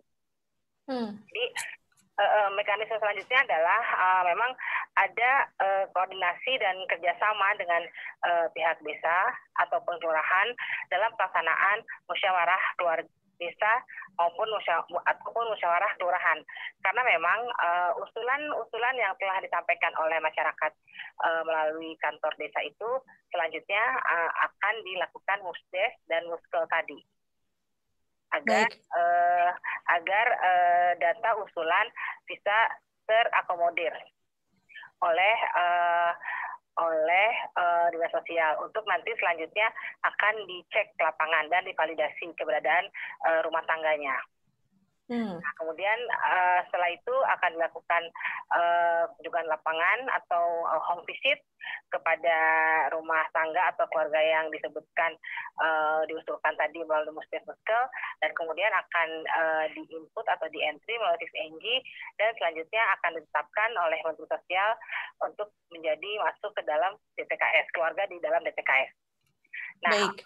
selanjutnya untuk keluarga yang sudah masuk dalam PPKS yang sudah ditetapkan melalui SK Mensos dalam setiap periodenya itu mak, e, maka keluarga tersebut atau masyarakat tersebut e, berhak untuk e, diusulkan mendapatkan e, bantuan sosial seperti yang e, saat ini e, sudah sudah ada di masyarakat gitu. Baik. Jadi Bu Herni mekanismenya sebetulnya ada dan tersedia ya Bu Herni ya? Mekanisme sudah tersedia itu juga ada ya Eh, kita sudah ada peraturan Menteri Sosial Permensos nomor 28 tahun 2017 uh, tentang pedoman umum uh, verifikasi dan validasi data terpadu kesos. Baik. Artinya, uh, sudah lengkap dijelaskan di situ. Uh, memang Baik. ada kerjasama atau koordinasi dengan uh, pihak desa dan kelurahan sebagai uh, informasi awal atau informasi uh, pertama uh, untuk usulan uh, keluarga atau rumah tangga yang bisa masuk ke dalam BPKS atau yang akan masuk ke dalam BPKS. Baik. Baik, terima kasih Bu Herni. Nanti saya akan kembali ke Ibu lagi, tapi sekarang saya mau ke Pak Dinar dulu dari sisi Bappenasnya nih. Pak Dinar setelah mendengarkan penjelasan Bu Herni tadi dan kita tahu uh, apa namanya seperti apa DTKS ini harus diperkuat, uh, menurut Pak Dinar uh, dengan mekanisme yang sekarang ada yang berlapis seperti itu dan ini juga ada beberapa pertanyaan dari peserta uh, bahwa sebetulnya pemutahiran itu belum real time atau belum sewaktu. Nah, kira-kira kalau dari sisi Bappenas sebagai uh, mitra langsung Kementerian Sosial, uh, apa kira-kira yang perlu dilakukan untuk memperkuat keterhubungan pemutahiran data di bawah sampai bisa ke atas itu, Pak Dinar. Misalnya apakah modalitas yang ada seperti SLRT, misalnya itu diharapkan juga nanti punya peran. Baik, makasih Bu Santi. Uh, dan uh, terima kasih juga untuk um, Bapak dan Ibu yang telah uh, terlebih dahulu menyampaikan tanggapannya. Uh, saya uh, terinformasi sekali ya, karena uh, masih ternyata masih banyak informasi yang saya juga belum tahu. Jadi uh, saat ini memang salah satu instrumen uh, instrumen ter terkuat yang dimiliki oleh Kementerian Sosial untuk melakukan pendataan di lapangan itu ada dua Mbak Santi. Yang satu adalah hmm. SLRT, itu hmm. uh, letaknya ada di tingkat kabupaten kota, tetapi ada juga yang lebih dekat dengan masyarakat, namanya Puskesos, Pusat Kesejahteraan uh, Sosial. Nah ini berada di level desa.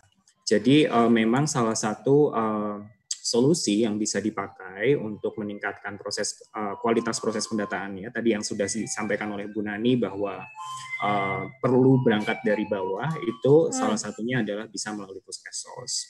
Nah, um, sekarang yang sedang dilakukan oleh Bappenas yang juga merupakan um, apa ya uh, keinginan baik Pak Jokowi maupun Menteri kami adalah membangun yang disebut dengan monografi desa digital.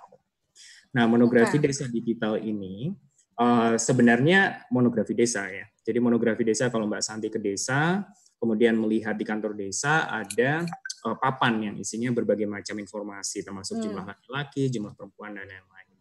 Uh, dan di balik papan itu sebenarnya kan ada data ya. Kenapa hmm. kok bisa mereka menampilkan papan itu pasti ada datanya.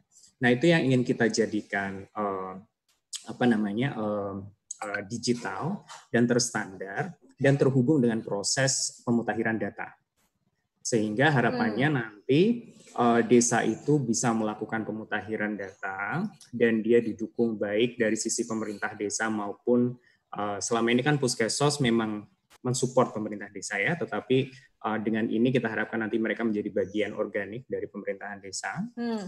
Kemudian setelah itu um, harapannya juga dengan monografi desa digital ini pemerintah desa bisa menggunakan datanya Mbak Santi sekarang ini, walaupun data bisa dikumpulkan melalui 6NG atau 6 Droid seperti yang disampaikan oleh Bu Herni, belum banyak desa yang menerima data balikan dan bisa menerima dan bisa ya. memanfaatkan data tersebut. Hmm. Ini juga sesuatu yang kurang empowering ya kalau menurut saya. Hmm. Karena kalau desa terus-menerus hanya diminta untuk mengumpulkan data, tetapi tidak pernah lihat barangnya seperti apa, tidak hmm. bisa mempergunakan untuk proses perencanaan, masyarakat tidak tahu seperti apa datanya, ya masalah-masalah seperti tidak uh, misalnya uh, penargetan yang uh, bias ke kelompok bukan perempuan kepala keluarga misalnya itu jadi tidak bisa ter um, ini ya tidak bisa tidak bisa ada solusinya gitu. Karena uh, desa juga tidak tahu seperti tadi yang sudah disampaikan bahwa data terpilah sering kali tidak diterima balik oleh desa.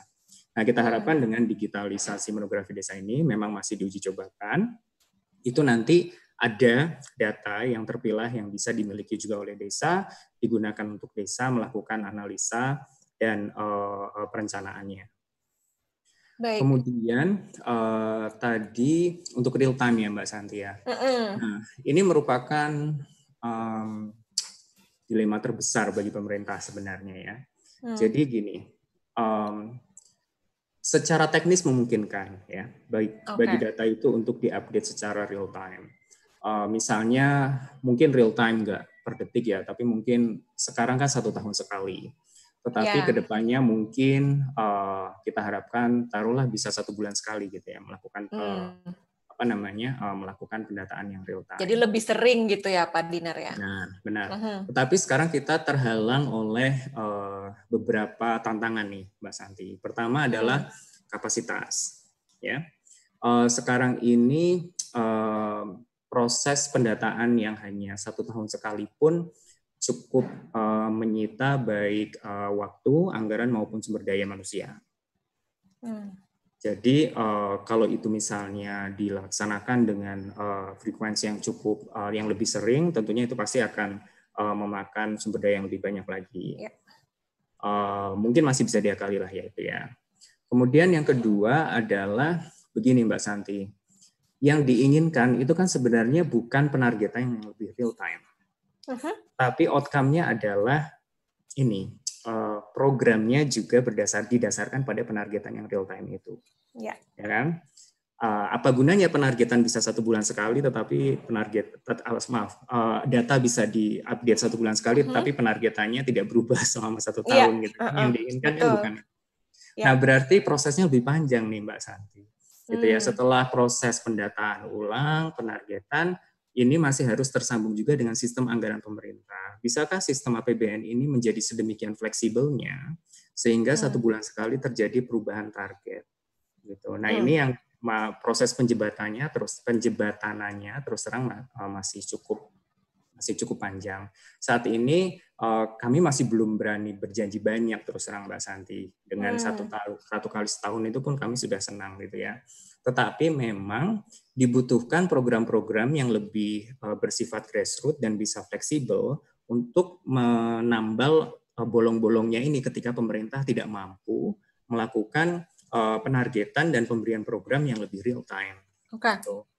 Makanya ada hmm. BLT uh, dana desa itu salah satunya adalah mekanisme itu Mbak Santi karena BLT dana hmm. desa dengan melalui keputusan desa bisa jauh lebih fleksibel dan lebih frekuen pengambilan keputusannya dibandingkan dengan uh, program-program perlindungan sosialnya pemerintah pusat yang mungkin uh, prosesnya lebih panjang seperti hmm. itu. Kalau okay. itu dari sisi apa namanya real time-nya. uh, ya. Ya, benar, benar.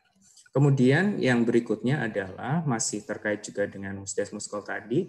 Kami harapkan kan ini sudah ada sebenarnya ya wahananya tadi yang disampaikan oleh Ibu Herni, kemudian yang disampaikan oleh Pak Bito juga ada musdes muskel, sudah ada six engine-nya, sudah ada six droid-nya, uh -huh. sudah ada puskesosnya. Nah, Bahkan sebelum itu ada rembuk desa. Benar, benar. Uh. Nah, ini uh, sekali lagi kalau menurut saya adalah yang perlu di tingkatkan juga adalah ini mainstreaming isunya, Mbak Santi. Gitu. Hmm. Kalau misalnya kita nanti hanya secara teknisnya diperkuat, pendampingannya, pelatihannya, kemudian aplikasinya, anggarannya, tetapi mainstreaming isunya juga belum tertanam di masyarakat. Nah ini juga hmm. yang kadang-kadang uh, apa namanya tidak memberikan outcome yang kita harapkan. Tetap masih ada aja yang kelewatan. Saya lihat tadi hmm. yang disampaikan oleh Ibu Nani kebanyakan adalah perempuan, kepala keluarga dan lan, perempuan lansia. Ya. Gitu. Nah itu memang yang paling sering sekali kelewatan, paling hmm. sering sekali uh, tidak mendapatkan perhatian yang cukup, walaupun hmm. sampai pada lingkup pemerintahan yang cukup kecil bahkan desa itu sering ada dispute apakah eh, kelompok penduduk ini akan disasar atau tidak dan apakah mereka itu masuk di top list untuk uh, apa namanya perubahan data atau apabila ada crash program mendapatkan program seperti itu Mas Andi. Jadi mainstreaming hmm. seperti ini yang sedang kami dorong juga di Bappenas, uh, tetapi kami masih umum saat ini ya di penyandang disabilitas dan lansia, tetapi untuk lansia karena uh, lansia perempuan itu tingkat kemiskinannya uh, secara tidak proporsional lebih tinggi dibandingkan hmm. apa namanya penduduk uh, secara keseluruhan, kami juga dorong ke arah situ. Mungkin itu dulu Apakah dari Pak Dinar melihat hmm. ada jadi nyambung nih Pak Dinar. Apakah Pak hmm. Dinar untuk poin yang terakhir tadi melihat uh, peluang teman eh, teman-teman seperti Bu Nani dan ibu-ibu peka untuk untuk berperan dan mengisi kekosongan di situ? Iya, yeah, just uh, bukan peluang Mbak, kita perlu. Kita okay. perlu Bu Nani dan kita hmm. perlu teman-teman untuk duduk hmm. di musyawarah desa untuk uh, memberikan apa namanya um, advice-nya kepada teman-teman di puskesmas, teman-teman pendamping desa nanti yang ke depannya melakukan pendataan hmm. secara reguler, teman-teman yang mengendalikan aplikasi-aplikasi pendataan itu ada 6NG, ada hmm. uh, monografi desa digital dan lain-lain. Hmm. Kita perlu orang-orang yang uh, apa namanya apa, masyarakat yang bisa mengingatkan bahwa ada kelompok masyarakat yang terlewat tidak melakukan okay. tidak didata gitu. Apalagi nanti ketika sistem sudah menjadi on demand misalnya ya, dan uh, ada kelompok masyarakat yang tidak tahu bagaimana cara mengekspresikan demand-nya. Nah ini kita memerlukan champion champion-champion di masyarakat yang bisa uh, memperantarakan ya, memperantarakan dari uh-huh. masyarakat yang membutuhkan tersebut kepada orang-orang yang mungkin nanti bisa menolong mereka masuk ke basis data. Baik, terima ya. kasih Pak Dinar. Uh, saya jadi ingin nyambung sedikit dulu ke Pak Bito lagi nih. Apa saya masih punya Pak Bito di sini? Pak Bito masih ada?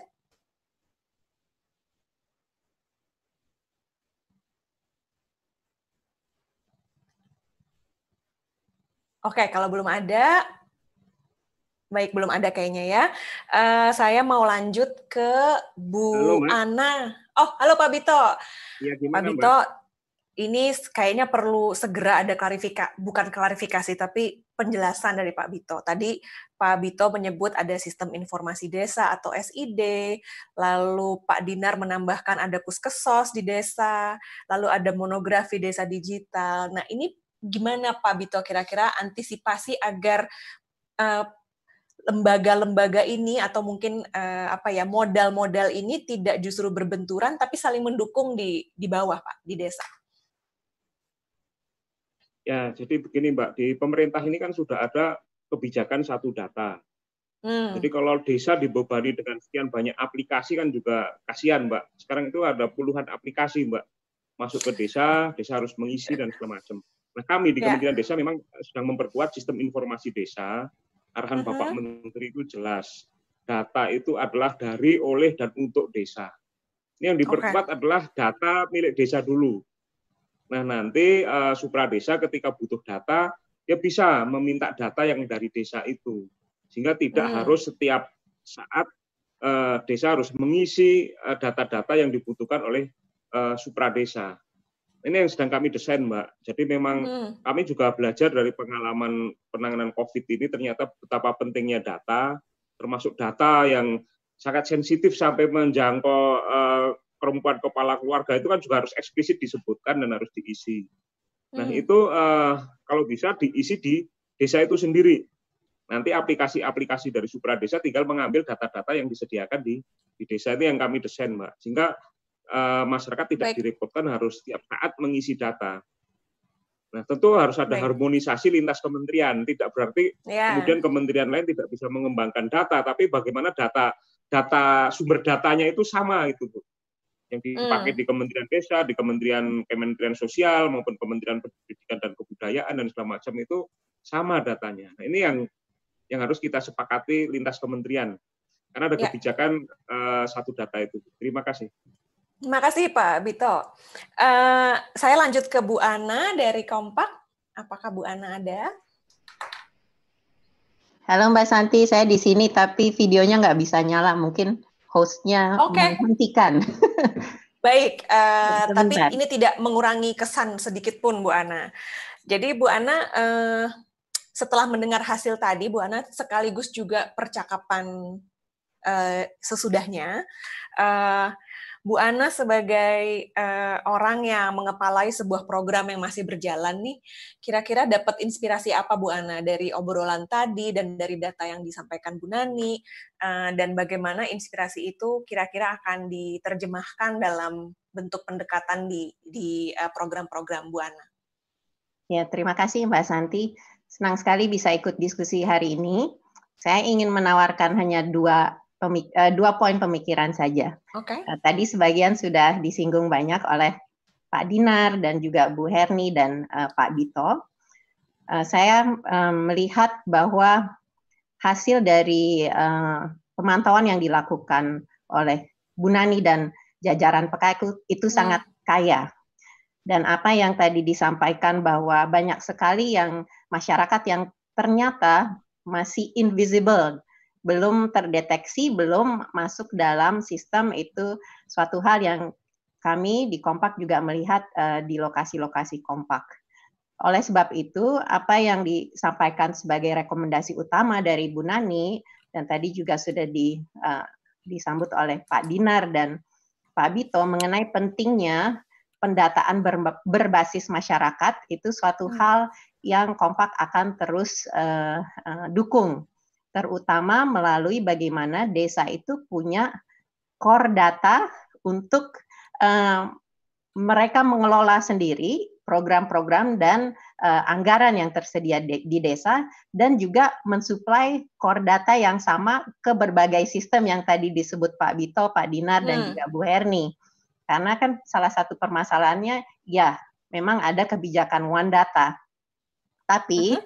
nyatanya banyak sekali uh, apa uh, aplikasi sistem informasi yang bertumpu di desa sehingga desa harus mengisi berbagai uh, apa formulir dan sistem informasi itu. Nah, hmm. jika desa memiliki apa yang tadi disebut Pak Dinar sebagai uh, monografi desa digital atau bisa disebut juga oleh istilah tadi Pak Bito sistem informasi desa dengan hmm. core data mengenai penduduk setempat sehingga uh, sistem data lainnya apakah itu dari DTKS NG atau da dari uh, Dukcapil SIAK itu bisa connect ke data di desa itu. Jadi core data di desa menjadi uh, fondasi untuk segala kebutuhan uh, data sektor. Hmm. Jadi untuk itu uh, peran desa, peran masyarakat sangat amat penting. Tadi Pak Dinar sudah sampaikan ada puskesos, terus hmm. Pak Bito sampaikan ada uh, relawan desa. Kemensos ya. juga punya nih jaringan apa hmm. pendamping pendamping PKH dan pendamping program-program lainnya. Nah, salah satu hal yang perlu kita cari solusinya bersama dan kami di Kompak akan coba lihat di lokasi Kompak bagaimana berbagai pendamping itu dan SDM yang tersedia di desa itu bisa bekerja sama dalam hal pendataan ini. Jadi bisa jadi rancu juga kan kalau semua turun di desa ngumpulin desa, uh, data masing-masing uh, niatnya bantu tapi menjadi rancu. Jadi untuk itu perlu uh, bisnis proses yang jelas, who does what-nya juga perlu jelas. Pengalaman uh, di Kompak salah satunya yaitu siapa yang bertanggung jawab untuk ke keliling ke rumah tangga untuk mengumpulkan data itu. Uh-huh. Siapa yang mengentry di desa? Siapa yang mengirim itu ke dinas sosial? Siapa yang mengirim itu ke uh, apa? Dinas Dukcapil itu sangat uh, sangat penting. Dan di situ kita tidak ber tergantung saja pada relawan desa. Tadi Pak Bito kan sampaikan anggarannya banyak dipotong dan harus realokasi, refocusing. Yeah. Ya. Uh, tapi kan relawan desa bukan satu-satunya atau pendamping desa bukan satu-satunya uh, apa uh, pendamping yang tersedia di desa-desa. Hmm. Bagaimana menjalin kerjasama ini dengan berbagai pendamping lainnya dan juga mitra seperti uh, PK dan CSO lainnya yang yang berada di tingkat uh, masyarakat. Mungkin itu dan uh, saya rasa ini uh, mengenai memperkuat pentingnya memperkuat peran desa dan masyarakat itu momentumnya sedang sangat baik. Hmm. Jadi Kemendes bicara mengenai data, uh, Bappenas mengenai data, uh, Kemensos juga bicara mengenai data. gimana pemutakhiran yeah. data demi uh, apa program-program yang lebih tepat sasaran dan inklusif. Yeah.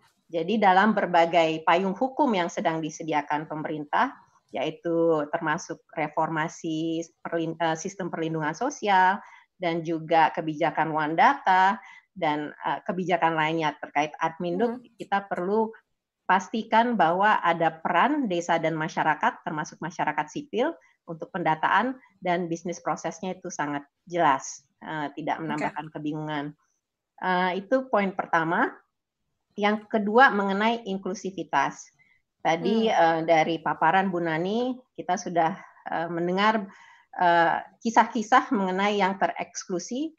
Ada juga hmm. kisah-kisah uh, yang uh, terinklusi, padahal uh-huh. seharusnya tidak men, uh, mendapatkan. Uh, dan apa yang tadi disampaikan, saya sudah baca eksam yang dari Bu Nani, faktor-faktor yang mempengaruhi uh, inklusivitas proses musdes yang menentukan siapa hmm. penerima BLTDD itu sangat tergantung pada hal-hal yang sangat detail tapi penting sekali untuk mempengaruhi apakah uh, seseorang akan ikut hadir dalam uh, uh, musyawarah desa khusus itu. Yeah. Mengenai kapan diselenggarakan, waktunya cocok nggak sih untuk ibu-ibu? Di mana hmm. susah nggak menjangkau uh, tempat itu? Uh, apakah sudah terwakili oleh elit-elit Uh, kalau sudah dirasakan terwakili, ibu-ibu mungkin akan lebih senggan untuk oh udah ada kok ibu-ibu uh, pejabat hmm. di situ kita nggak perlu hmm. hadir. Kompak pernah melakukan kajian juga mengenai musrembang inklusif yang meng-highlight berbagai faktor itu yang sangat teknis, sangat matters juga gitu. Siapa yang memfasilitasi? Tentunya uh, ibu-ibu peka dan juga teman-teman dari uh, CSO di masyarakat uh, di tingkat masyarakat lebih memiliki kepercayaan dan uh, kehandalan untuk melakukan pendampingan untuk kelompok-kelompok khusus. Hmm. Jadi untuk itu lagi-lagi momentumnya sedang sangat baik karena kami dengan uh, Pak Bito dan teman-teman di Kemendesa dan juga dengan mitra mitra-mitra kami termasuk program mampu dan lainnya sedang uh, merintis uh, kebijakan dan juga pedoman-pedoman terkait, terkait akuntabilitas sosial. Di situ hmm. kami akan mengupayakan supaya hal-hal faktor-faktor kunci untuk menjaga inklusivitas yang nyata dan mendalam itu uh, tertuang dalam berbagai uh, berbagai uh, instrumen kebijakan itu dan juga untuk menitik beratkan uh, pentingnya peran CSO dalam proses pendampingan itu. Uh, satu hal juga yang uh, kami pelajari dari pengalaman kompak ini uh, dan juga melalui kerjasama dengan uh, Bu Nani dan timnya, uh, peran CSO sangat penting pertama untuk menyebarkan informasi apa itu COVID, apa itu BLTDD. Hmm informasi yang sangat dasar itu sangat penting untuk diketahui oleh masyarakat. Dan selain itu, tadi juga uh, sempat disinggung mengenai uh, keluhan. Kalau ada yang tereksklusi, ada yang terinklusi, uh, tidak tepat sasaran, apa yang harus dilakukan? Uh, mekanisme complaint handling, pengelolaan pengaduan itu sangat penting juga dan menurut saya uh, peran uh, CSO, masyarakat sipil juga sangat penting dalam hal ini. Um, mungkin itu uh, Mbak Santi. Hari okay. ini kita memang fokus pada uh, apa kelompok uh, perempuan kepala keluarga, yeah. tapi jangan lupa bahwa COVID itu mempengaruhi berbagai lini. Yeah. Jadi ada mm. banyak sekali uh, dimensi kerentanan yang ini kami juga advokasikan bersama Bu Santi dan teman-teman Puskapa uh, bahwa COVID tidak hanya berdampak pada yang miskin, tidak hanya berdampak pada yang uh, apa yang lansia uh, ada juga kelompok-kelompok rentan yang perlu kita identifikasi dan kita jangkau. Dan untuk itu saya sepakat dengan apa yang disampaikan Bu Nani perlu uh, apa kebijakan khusus untuk masing-masing kelompok. Misalnya yang tidak memiliki akses terhadap air bersih gimana? Ya rumah tangga yang isinya banyak uh, apa keluarga di satu rumah Padat. tangga itu ya. gimana? Ya. Hmm. Yang kepala keluarganya sudah lansia, tidak bekerja bagaimana? Yang kepala keluarganya itu adalah anak itu bagaimana? Hmm. Jadi hal-hal seperti ini perlu kita sudah kita kaji, tapi kita perlu tindak lanjuti dengan action yang spesifik terhadap uh, untuk menjangkau setiap kelompok rentan ini. Mungkin itu dari saya Bu Santi. Terima kasih. Baik, uh, terima kasih Bu Ana dan poin terakhir tadi itu uh, apa namanya cocok untuk uh, melanjutkan diskusi kita dengan Bu Novi nih. Hmm. Uh, halo Bu Novi dari WVL Kanada. Uh, halo. ada? Ya. Ya, Mbak uh, Santi. Cuma videonya nggak bisa nih ya, mungkin nggak apa-apa ya. akan segera akan segera okay, tayang. Siap, siap. Oke. okay. Nah, Bu Novi tadi uh, Eh, Bu Ana juga mengingatkan dan saya ingat sekali di satu bagian laporannya Bu Nani eh, dan teman-teman PK itu adalah eh, pemantauan yang dilakukan teman-teman PK itu tujuan awalnya untuk melihat situasi ibu-ibu perempuan kepala keluarga tetapi hmm. justru hasilnya bisa dimanfaatkan untuk hmm. dan menemukan berbagai kendala yang dialami kelompok marginal lainnya. Nah ini uh, rasanya sangat dekat dengan program yang uh, apa namanya dikelola oleh Bu Novi nih tentang kepemimpinan hmm. kepemimpinan perempuan dan keterlibatan bermakna perempuan di komunitas. Nah, di antara sesama sama warga. Uh, gimana uh, Bu Novi dari hasil-hasil tadi dan juga obrolan kita, uh, apa yang kira-kira akan uh, dilakukan oleh program WVL ke depannya terkait dengan banyak rekomendasi yang sudah tadi muncul? Oke, baik. Uh, makasih Mbak Santi. Uh, senang sekali ya, tadi saya juga sambil mendengarkan uh, sejak awal paparan dari Pak Menteri, dari uh, Pak Sekjen dan Mbak Nani dan juga teman-teman uh, sebelumnya. Uh, yang pertama mungkin saya cerita dulu sedikit tentang program Women's Voice and Leadership ini uh, WVL atau Suara dan Kepemimpinan uh, Perempuan. Hmm. Jadi ini merupakan salah satu program unggulan atau flagship projectnya Kanada uh, yang diluncurkan tahun 2017 uh, secara global uh, dengan mengikuti diluncurkannya kebijakan pembangunan uh, internasional yang berpusat pada menjawab isu-isu kesetaraan uh, gender, ketidaksetaraan, ketimpangan gitu ya.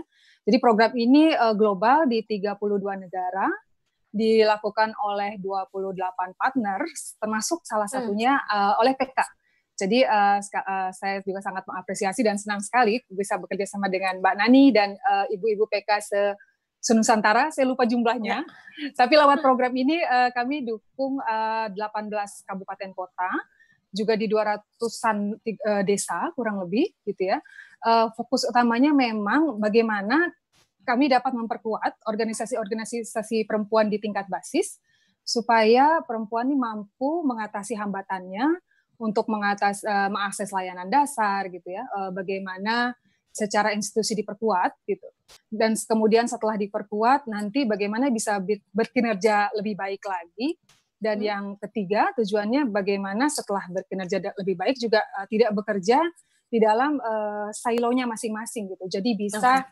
berjejaring uh, dengan apa beraliansi dengan uh, kemitraan termasuk yang PK lakukan sekarang ini baik dengan organisasi uh, perempuan di tingkat nasional, uh, lokal maupun regional atau bahkan internasional, dan juga dengan pemerintah gitu ya.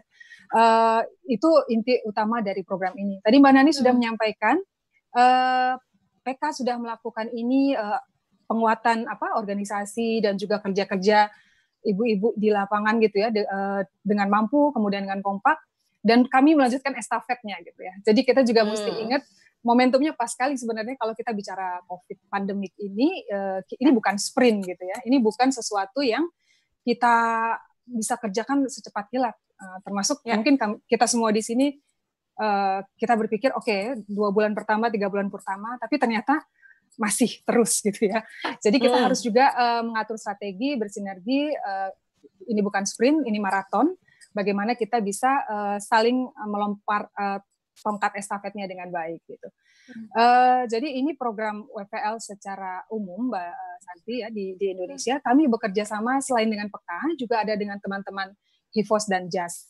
Uh, dan okay. juga uh, ada juga satu program lain yang fokusnya untuk memperkuat uh, organisasi perempuan di tingkat lokal dengan solidar, uh, solidaritas perempuan. Gitu. Hmm. Uh, apa yang PK lakukan melalui uh, memonitor bantuan uh, sosial di tingkat desa ini tentunya semakin menegaskan bahwa uh, dukungan terhadap organisasi-organisasi perempuan di tingkat lokal itu penting sekali gitu ya. Uh, hmm. Dan inilah yang menjadi dasar kenapa program ini uh, diluncurkan. Uh, berdasarkan suatu riset bahwa ada suatu kesenjangan yang besar di seluruh dunia, bukan hanya di Indonesia, uh, support atau dukungan yang diberikan kepada organisasi perempuan seperti PK ini gitu ya di mana hmm. uh, lewat apa yang salah satunya yang PK lakukan lewat uh, penelitian atau survei yang baru saja disampaikan Mbak Nani tadi itu uh, penting sekali gitu. Tadi uh, siapa Mas uh, Dinar atau Mbak Ana menyampaikan gitu ya. Awalnya hanya untuk bagaimana nih komunitas PK juga bisa mengakses layanan tersebut ibu-ibu PK di lapangan. Hmm. Tapi ternyata hasilnya uh, bermanfaat buat seluruh lapisan masyarakat gitu. Ya. Bahkan yeah berkali kita berbicara tentang memperbaiki apa pendataan dan sebagainya gitu ya dan uh, tentunya dari sisi kami juga tadi sangat mengapresiasi ternyata juga pemeri apa uh, pendataan sistemik atau sistematis yang uh, ada itu sudah dilakukan gitu ya jadi sudah ada perencanaan-perencanaan baik di apa uh, Kementerian Desa, Kementerian Sosial atau di Bappenas hmm. gitu ya. Tadi mungkin uh, nanti mungkin kita dalam diskusinya gimana nih menyambungkan uh, apa yang sudah ada ini dengan yang uh, kenyataannya di lapangan. Mungkin uh, dari saya itu Mbak Mbak Santi, saya juga mungkin okay. menyampaikan sedikit, sedikit lagi apa selain juga program ini, hmm. uh, Kanada juga memang karena fokusnya tadi ya untuk memajukan uh, apa kesetaraan antara perempuan dan laki-laki, anak-anak perempuan dan anak laki-laki, uh, kami juga fokus untuk uh, isu-isu kesehatan reproduksi. Tadi saya angkat hmm. ini soalnya saya lihat banyak uh, uh, komentar atau juga uh, apa pertanyaan di kolom uh -huh. uh, Q&A yang yeah. sudah me, me, me, apa namanya nih mencolek-colek ke isu itu gitu ya bagaimana. Hmm. Nah itu juga menjadi salah satu fokus kami, tapi memang bukan uh, lewat program WVL ini. Uh, yeah. Bagaimana kesehatan reproduksi juga tidak terabaikan di dalam situasi COVID pandemik ini. Mungkin itu dulu ya Mbak Santi ya. Baik, terima kasih, uh, terima kasih uh, Bu Novi.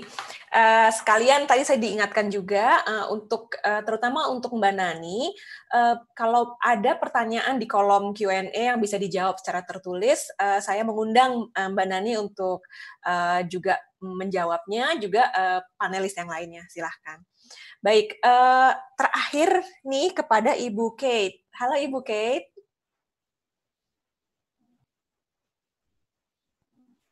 Halo, hai. Halo Bu Kate. Ibu Kate akan segera tayang. Baik, uh, Bu Kate tadi uh, Bu Novi bicara tentang yang saya suka istilah ini adalah tongkat estafet itu harus berpindah dan harus ada yang meneruskan. Uh, dan kita tahu uh, di pembangunan itu uh, program itu ada umurnya. Nah, saya sangat tertarik tadi terpancing oleh pernyataan Mbak Nani yang bilang sudah 8 tahun bermitra dengan Mampu. Nah, Ibu Kate sebagai pemimpin Mampu ini uh, apa Bu Kate kira-kira pembelajaran yang bisa dibagi ke kita semua uh, dalam kaitannya dengan uh, apa ya punya kerjasama dan melipat gandakan jumlah organisasi seperti PEKA gitu. Hmm. Jadi karena PEKA ini buat saya unik tidak hanya karena mereka kerja uh, di komunitas penggerak, uh, prinsipnya jelas untuk keadilan, untuk kesejahteraan, tetapi juga punya penghargaan dan kapasitas yang demikian nyata terkait data. Jadi hmm. semua kerja peka itu berbasis bukti ilmiah. Ya. Uh, kira-kira apa Bukit yang bisa dibagi nih buat kita pembelajaran dari mampu dan kerjasamanya dengan peka? Oke, okay. Terima kasih Santi. Uh, pertama-tama selamat siang semuanya. Terima kasih, senang sekali bisa uh, gabung di diskusi ini. Mungkin saya harus caveat dulu ya bahwa mungkin waktu nggak cukup untuk menyampaikan uh, pembelajaran ya dari program yang sudah jalan 8 tahun. Betul. Dan ya. tentunya saya sendiri tidak bisa memberikan apa ya justice kepada diskusi ini mm-hmm. kalau hanya dari saya. Jadi ya. ini mungkin yang saya menyampaikan adalah mm-hmm. Uh, observasi dan perspektif secara personal uh, pribadi dari saya untuk uh, menyaksikan program dari waktu sebelum uh, desain sampai desain sampai implementasi sampai sekarang kita sudah dekati ke akhir uh, program akhir 8 tahun jalan. Uh, itu pertama caveat saya. Uh, tentunya ada perwakilan dari mitra kita yang hadir diskusi ini. Saya lihat dan mungkin bisa menambah uh, untuk memperkaya. Uh, Mampu sudah jalan 8 tahun dengan 13 mitra utama, di mana salah hmm. satu adalah peka. Uh, hmm sebenarnya saya ada tiga poin yang saya mau uh, berbagi untuk diskusi ini Santi uh, dan tiga poin ini sebenarnya adalah dasar atau foundasi sejak awal program. Jadi okay. Untuk uh, pemerintah Australia dan pemerintah Indonesia uh, sebenarnya saya senang untuk menyampaikan bahwa atau melaporkan bahwa dari awal program Eh, kita masih still true untuk uh, the spirit rohnya dari awal program sampai selesai. Konsisten ya Bu Kate? Konsisten, konsisten. Hmm. Elemen elemen hmm. desainnya, elemen hmm. desainnya. Hmm. Yang pertama adalah kepentingan menggunakan data dan bukti. Hmm. Kalau untuk program mampu, underlying approach pendekatannya adalah advokasi kolektif berbasis bukti uh, hmm. atau data untuk advokasi uh, untuk mempercepat perubahan sosialnya di hmm. isu itu yang prioritas. Jadi yang pertama terkait dengan data dan bukti. Uh-huh. Yang kedua adalah dan tadi uh, kebetulan saya dengar uh, Ana memakai kata ini adalah kekayaan organisasi sipil di Indonesia dan hmm. kekuatan jaringannya ada. Jadi ini sebenarnya aset besar untuk Indonesia. Uh, dan salah satu pendekat, pendekatan khusus di program mampu adalah untuk uh, apa ya istilah yang tepat untuk me, uh, bekerja melalui organisasi sipil ini yang sudah punya jaringan yang luas, yang sudah punya pengetahuan yang kaya, yang mendalam sekali, yang sudah punya jaringan cakupan dari pusat sampai ke akar rumput dan sudah berpengalaman. Jadi tadi hmm. disebutkan juga awal dari Pak Menteri bahwa untuk eh, isu-isu uh, perempuan itu perempuan sendiri yang tahu prioritasnya. Jadi perempuan uh -huh. itu di akar rumput yang harus dilibatkan dalam uh, proses untuk perubahannya atau untuk hmm. membuat uh, kebijakannya atau untuk implementasi programnya. Jadi yang kedua terkait dengan uh, kerja dengan masyarakat atau organisasi sipil uh, yang sudah punya jaringan, yang sudah punya keahlian. Uh, sebenarnya juga uh, ini sudah punya ini juga punya fleksibilitas untuk uji cobakan hmm. modul-modul. Jadi melalui uh, program mampu bekerja dengan 13 mitra kita untuk isu-isu tertentu, kita sudah punya beberapa modul atau pendekatan untuk kerja dengan pemerintah lokal atau pemerintah pusat juga untuk membawa atau meng, apa ya mengangkat isu-isu uh, prioritas untuk perempuan melalui hmm. pendekatan khusus, misalkan dengan peka klik peka, di mana kita jembatani masyarakat uh, dengan uh, pemerintah lokal dan rata-rata hmm. semua mitra, mampu di isu-isu tertentu punya pendekatan untuk jembatani masyarakat dari akar rumput uh, untuk mampu fokusnya ke perempuan, perempuan akar rumput dengan uh, layanan uh, yang yang terkait dengan isu itu. Yang ketiga adalah kepenting, kepentingan untuk pendekatan yang multi stakeholder atau untuk melibatkan unsur-unsur dari daerah hmm. Uh, yang tidak hanya CSO kerja dengan CSO, tapi CSO kerja dengan angka rumput, kerja dengan Pemda, hmm. dimampu juga kita fokus tidak hanya melibatkan eksekutif, tapi juga anggota legislatif. Jadi pendekatan hmm. kita uh, tentunya juga ada media, ada juga akademia, ada pihak-pihak uh, swasta juga. Jadi pendekatan harus multi uh, multi sektor. Kalau mampu sendiri uh, enam bulan uh, terakhir untuk laporan kita dari akhir tahun lalu sampai bulan Mei tahun ini itu sudah 87 contoh yang mempengaruhi alokasi anggaran. Jadi ada sekitar 1,2 juta uh, hmm. dolar Australia atau tiga atau satu atau 12 miliar ya rupiah. Ada juga 120 keputusan kebijakan yang dipengaruhi hmm. oleh mitra mampu bersama dengan uh, Pemda dan komunitas setempat. Hmm. Uh, jadi dalam enam bulan uh, terakhir hanya untuk menggambarkan uh, apa yang sebenarnya bisa dihasilkan kalau ada uh, pendekatan dan uh, solusi yang kerjasama antar masyarakat, pemerintah, dan pihak-pihak uh, lain di uh, satu tempat. Jadi mungkin itu uh, tiga tiga poin saja dari saya. Nanti saya stop di situ uh, untuk uh. Terima kasih. Terima kasih Bu Kate. Uh, ini kita masih ada waktu sedikit. Saya mau ngundang Mbak Nani lagi kalau gitu nih, karena tadi Bu Kate juga uh, tidak berani apa khawatir bahwa uh, pembelajaran yang dipetik uh, oleh Bukit ini belum mewakili sepenuhnya apa yang dirasakan teman-teman. Mbak Nani, apakah Mbak Nani ada? Ada, ada. Oke, okay. Mbak hmm. Nani, uh, dua menit Mbak Nani mendengar semua tadi itu, kira-kira apa kalau begitu uh, uh, kalau kita tadi pakai istilah tongkat estafet, ini berikutnya Peka mau lari ke arah mana nih Mbak Nani dan mau membawa semua hasil diskusi kita hari ini uh, ke mana? Saya juga tadi tertarik dengan uh, Pak Dinar yang mengingatkan bahwa setelah kita perbaiki kualitas data, teman-teman juga harus harus dan perlu membantu mendampingi desa untuk memanfaatkan data yang akan berupa data balikan ke desa. Gimana Mbak Nani? Baik, saya minta tayang dong dibuka. Nggak enak ngomong nggak kelihatan muka ya. ya, baik. Jadi ada beberapa hal Santi ya. Yang pertama, hmm. uh, yang pertama tadi seluruh rekomendasi saya rasa didukung oleh pemerintah ya, dan ini menunjukkan betapa pentingnya kerjasama kelompok masyarakat sipil khususnya yang organisir di basis dengan pemerintah pemerintah pusat hmm. dan pemerintah daerah. Karena itu harus menjadi pilar-pilar dalam upaya kita memperbaiki sistem data. Karena semua ya. menyadarin itu. Yang kedua, kami juga belajar dari proses yang panjang ya. Jadi hmm. mengadopsi istilah yang Novi sampaikan bahwa pemberdayaan perempuan, upaya inklusi, meng, meng, apa, mencakup seluruh kelompok masyarakat termasuk disabilitas, termarginal dan sebagainya ini adalah mm-hmm. upaya yang maraton. Jadi kita tidak bisa sprint.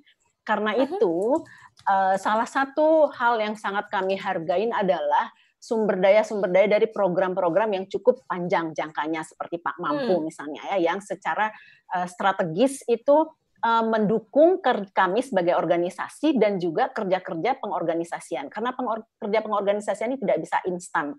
Tapi kita hmm. melihat hasilnya. Misalnya ya survei kami ini dilakukan oleh 123 kader desa yang tersebar hmm. di 17 provinsi itu yang mereka ini tumbuh dan berkembang akhirnya menjadi Eh, aktivis-aktivis desa yang sangat kritis, yang sangat mumpuni, sangat paham persoalan dan juga mengenal desanya sehingga hmm. mereka bisa menjadi bagian, bisa menjadi mitra pemerintah untuk terus menerus. Itu yang akan kita lakukan misalnya pasca mampu kami tidak khawatir gitu akan keberlanjutan apa yang sudah di dibangun selama ini karena kader-kader ini sekarang sudah menjadi mitra pemerintah desanya.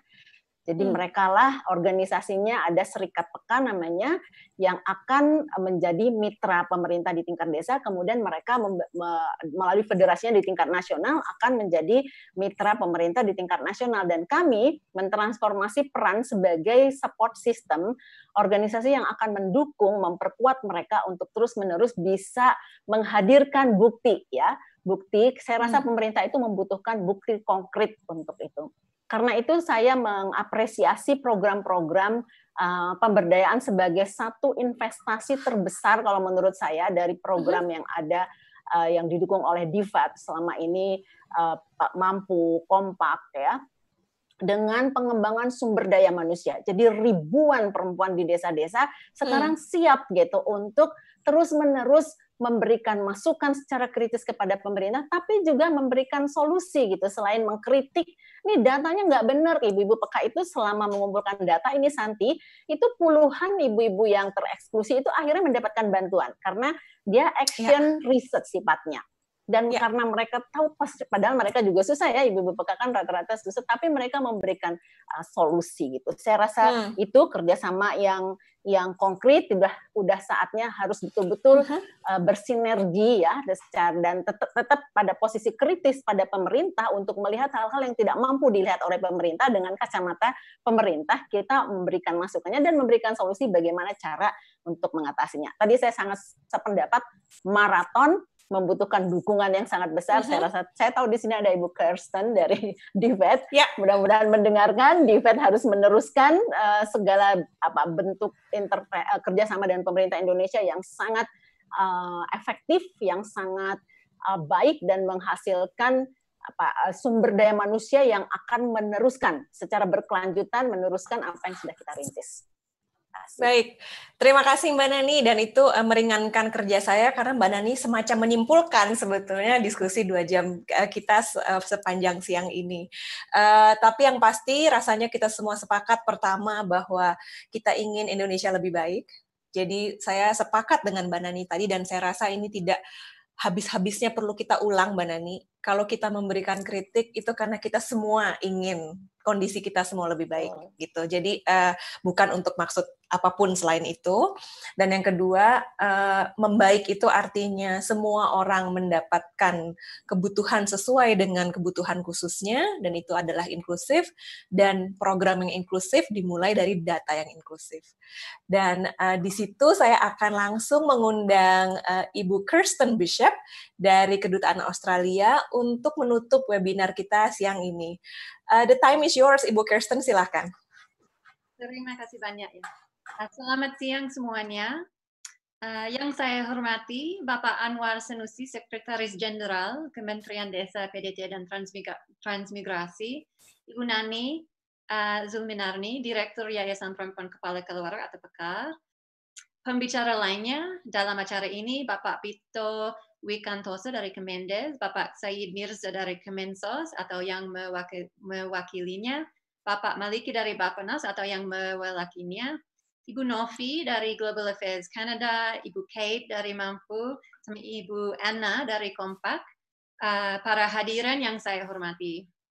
uh, di penghujung webinar tentang feminisasi, kemiskinan, dan efektivitas bantuan sosial merespon pandemi COVID-19 ini, saya ingin menyampaikan apresiasi kepada ibu dan bapak semua yang telah ber, berkenan meluangkan waktu untuk berpartisipasi dalam diskusi penting hari ini. Kami menyadari kita semua sedang menghadapi masa yang sulit, di mana kita sedang berupaya mengatasi dampak COVID-19 dalam pekerjaan dan kehidupan.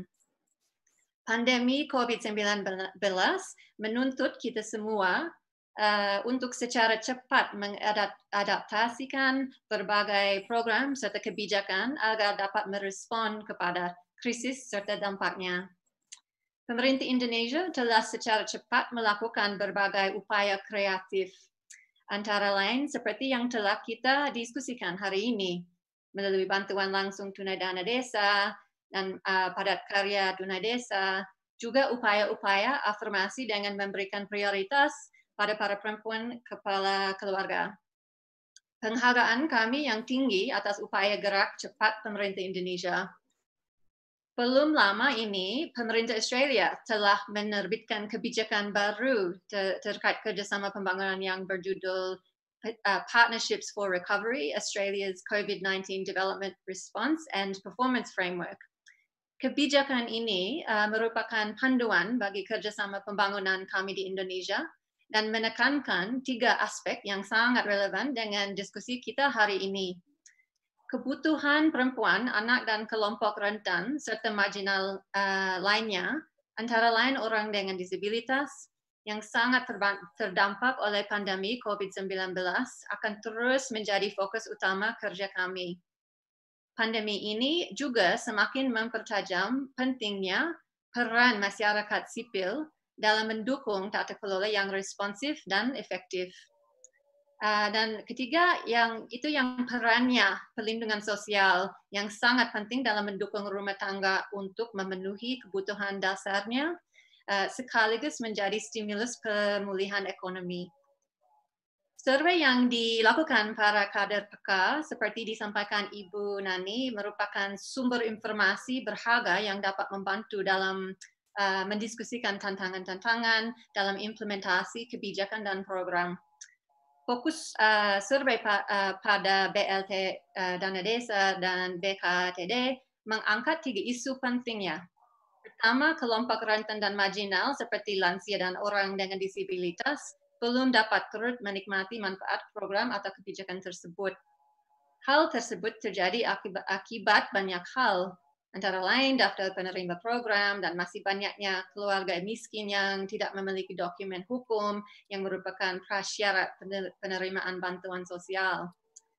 Yang kedua, uh, temuan survei menunjukkan semakin banyaknya pemerintah desa yang memainkan peranan penting untuk memitigasi dampak pandemi, termasuk dengan melakukan upaya afirmasi untuk memastikan para perempuan kepala rumah tangga dan kelompok, kelompok rentan lainnya uh, dapat menerima manfaat program.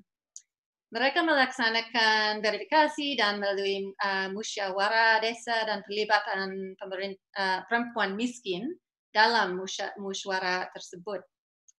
Uh, hal ini menunjukkan keberhasilan pemerintah nasional melalui kemitraan desa, uh, Kementerian Desa, Kementerian Sosial dan Bappenas, khususnya terkait upaya afirmasi uh, serta pengakuan uh, atas pentingnya data berbasis masyarakat guna mengurangi kesenjangan dalam mencapai tujuan uh, kebijakan.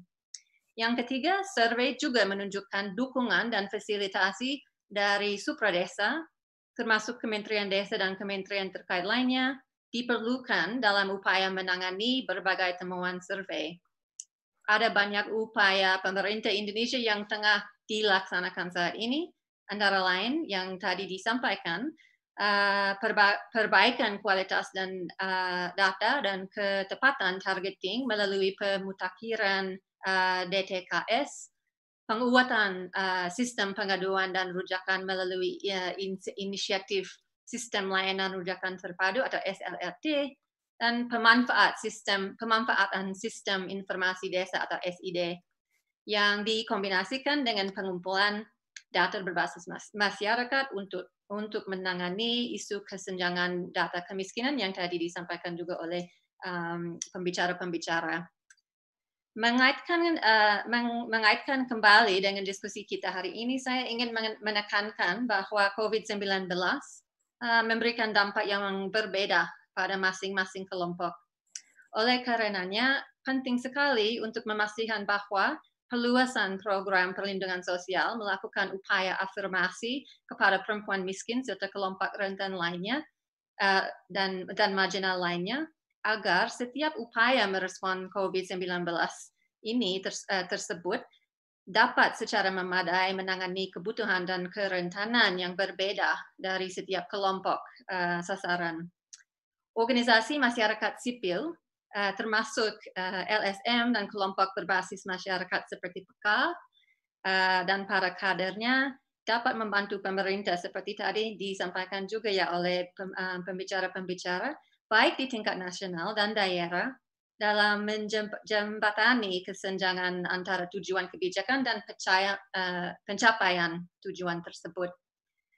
Masih ada yang perlu diselesaikan ya, jadi sebagai mitra pembangunan, uh, kami akan terus, uh, Ibu Nani, mendorong uh, adanya sinergi antara berbagai program kemitraan Australia-Indonesia sehingga pemerintah Indonesia berhasil dalam uh, mencapai tujuan program dan kebijakannya, khususnya terkait penanganan dampak uh, COVID-19 pada perempuan uh, kepala keluarga, lansia, dan dengan disabilitas. Uh, kami ingin menyampaikan terima kasih ya dan uh, penghargaan kepada beberapa, beberapa uh, pihak. Uh, kepada Global Affairs Canada yang bersama-sama kami melalui program Mampu dan Kompak telah mendukung Yayasan Peka dalam melakukan survei ini. Semoga kolaborasi ini dapat uh, terus berlanjut kepada Bapak Menteri Abdul Hakim Iskandar serta Bapak Sekretaris Jenderal Anwar Sanusi, seluruh jajaran Kementerian Desa atas dukungannya yang besar sehingga webinar hari ini dapat di, uh, terlaksana dengan baik. Kepada moderator Ibu Santi dan pembahas webinar ini Bapak uh, Bito Wikan, Wikantosa, Bapak Said Mirsa dan Maliki atau yang mewak, mewak, mewakilinya, uh, Ibu Novi, Ibu Kate, uh, dan Ibu Anna.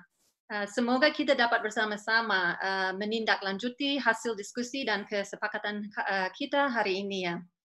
Kepada Ibu uh, ini Ibu Sulminarni uh, dan dan para kader pakaya Ibu atas kerja kerasnya dan kesediaan kesediaannya berbagai hasil survei ini. Dan akhirnya kepada para um, hadiran sekalian, yang tetap setia mengikuti webinar ini. Semoga diskusi uh, hari ini bermanfaat bagi kita, uh, bagi kita semua dan dapat ditindaklanjuti secara tepat ke depannya. Uh, merupakan uh, ke kehormatan bagi saya untuk menutup webinar ini uh, secara resmi. Terima kasih dan selamat siang. Terima kasih Bu Kirsten, senang sekali. Terima kasih banyak Bu Kirsten dan uh, saya juga uh, langsung akan menyerahkan kepa kembali kepada panitia. Tapi sebelum menutup dan benar-benar menutup, saya kembali mengucapkan terima kasih kepada Mbak Nani, kepada semua penyelenggara, kepada semua pendukung, kepada Pak Menteri, Pak Sekjen, uh, dan para panelis saya. Uh, tapi terakhir juga saya ingin mengucapkan banyak terima kasih kepada semua enumerator PK yang sudah mengumpulkan data dan bersedia membagi uh, datanya dengan dan temuannya dengan kita semua. Baik, selamat siang semua. Sampai ketemu di webinar Mampu selanjutnya. Terima kasih. Terima kasih. Terima kasih Bu Nani, terima kasih Bu Santi. Terima kasih Pak Dina.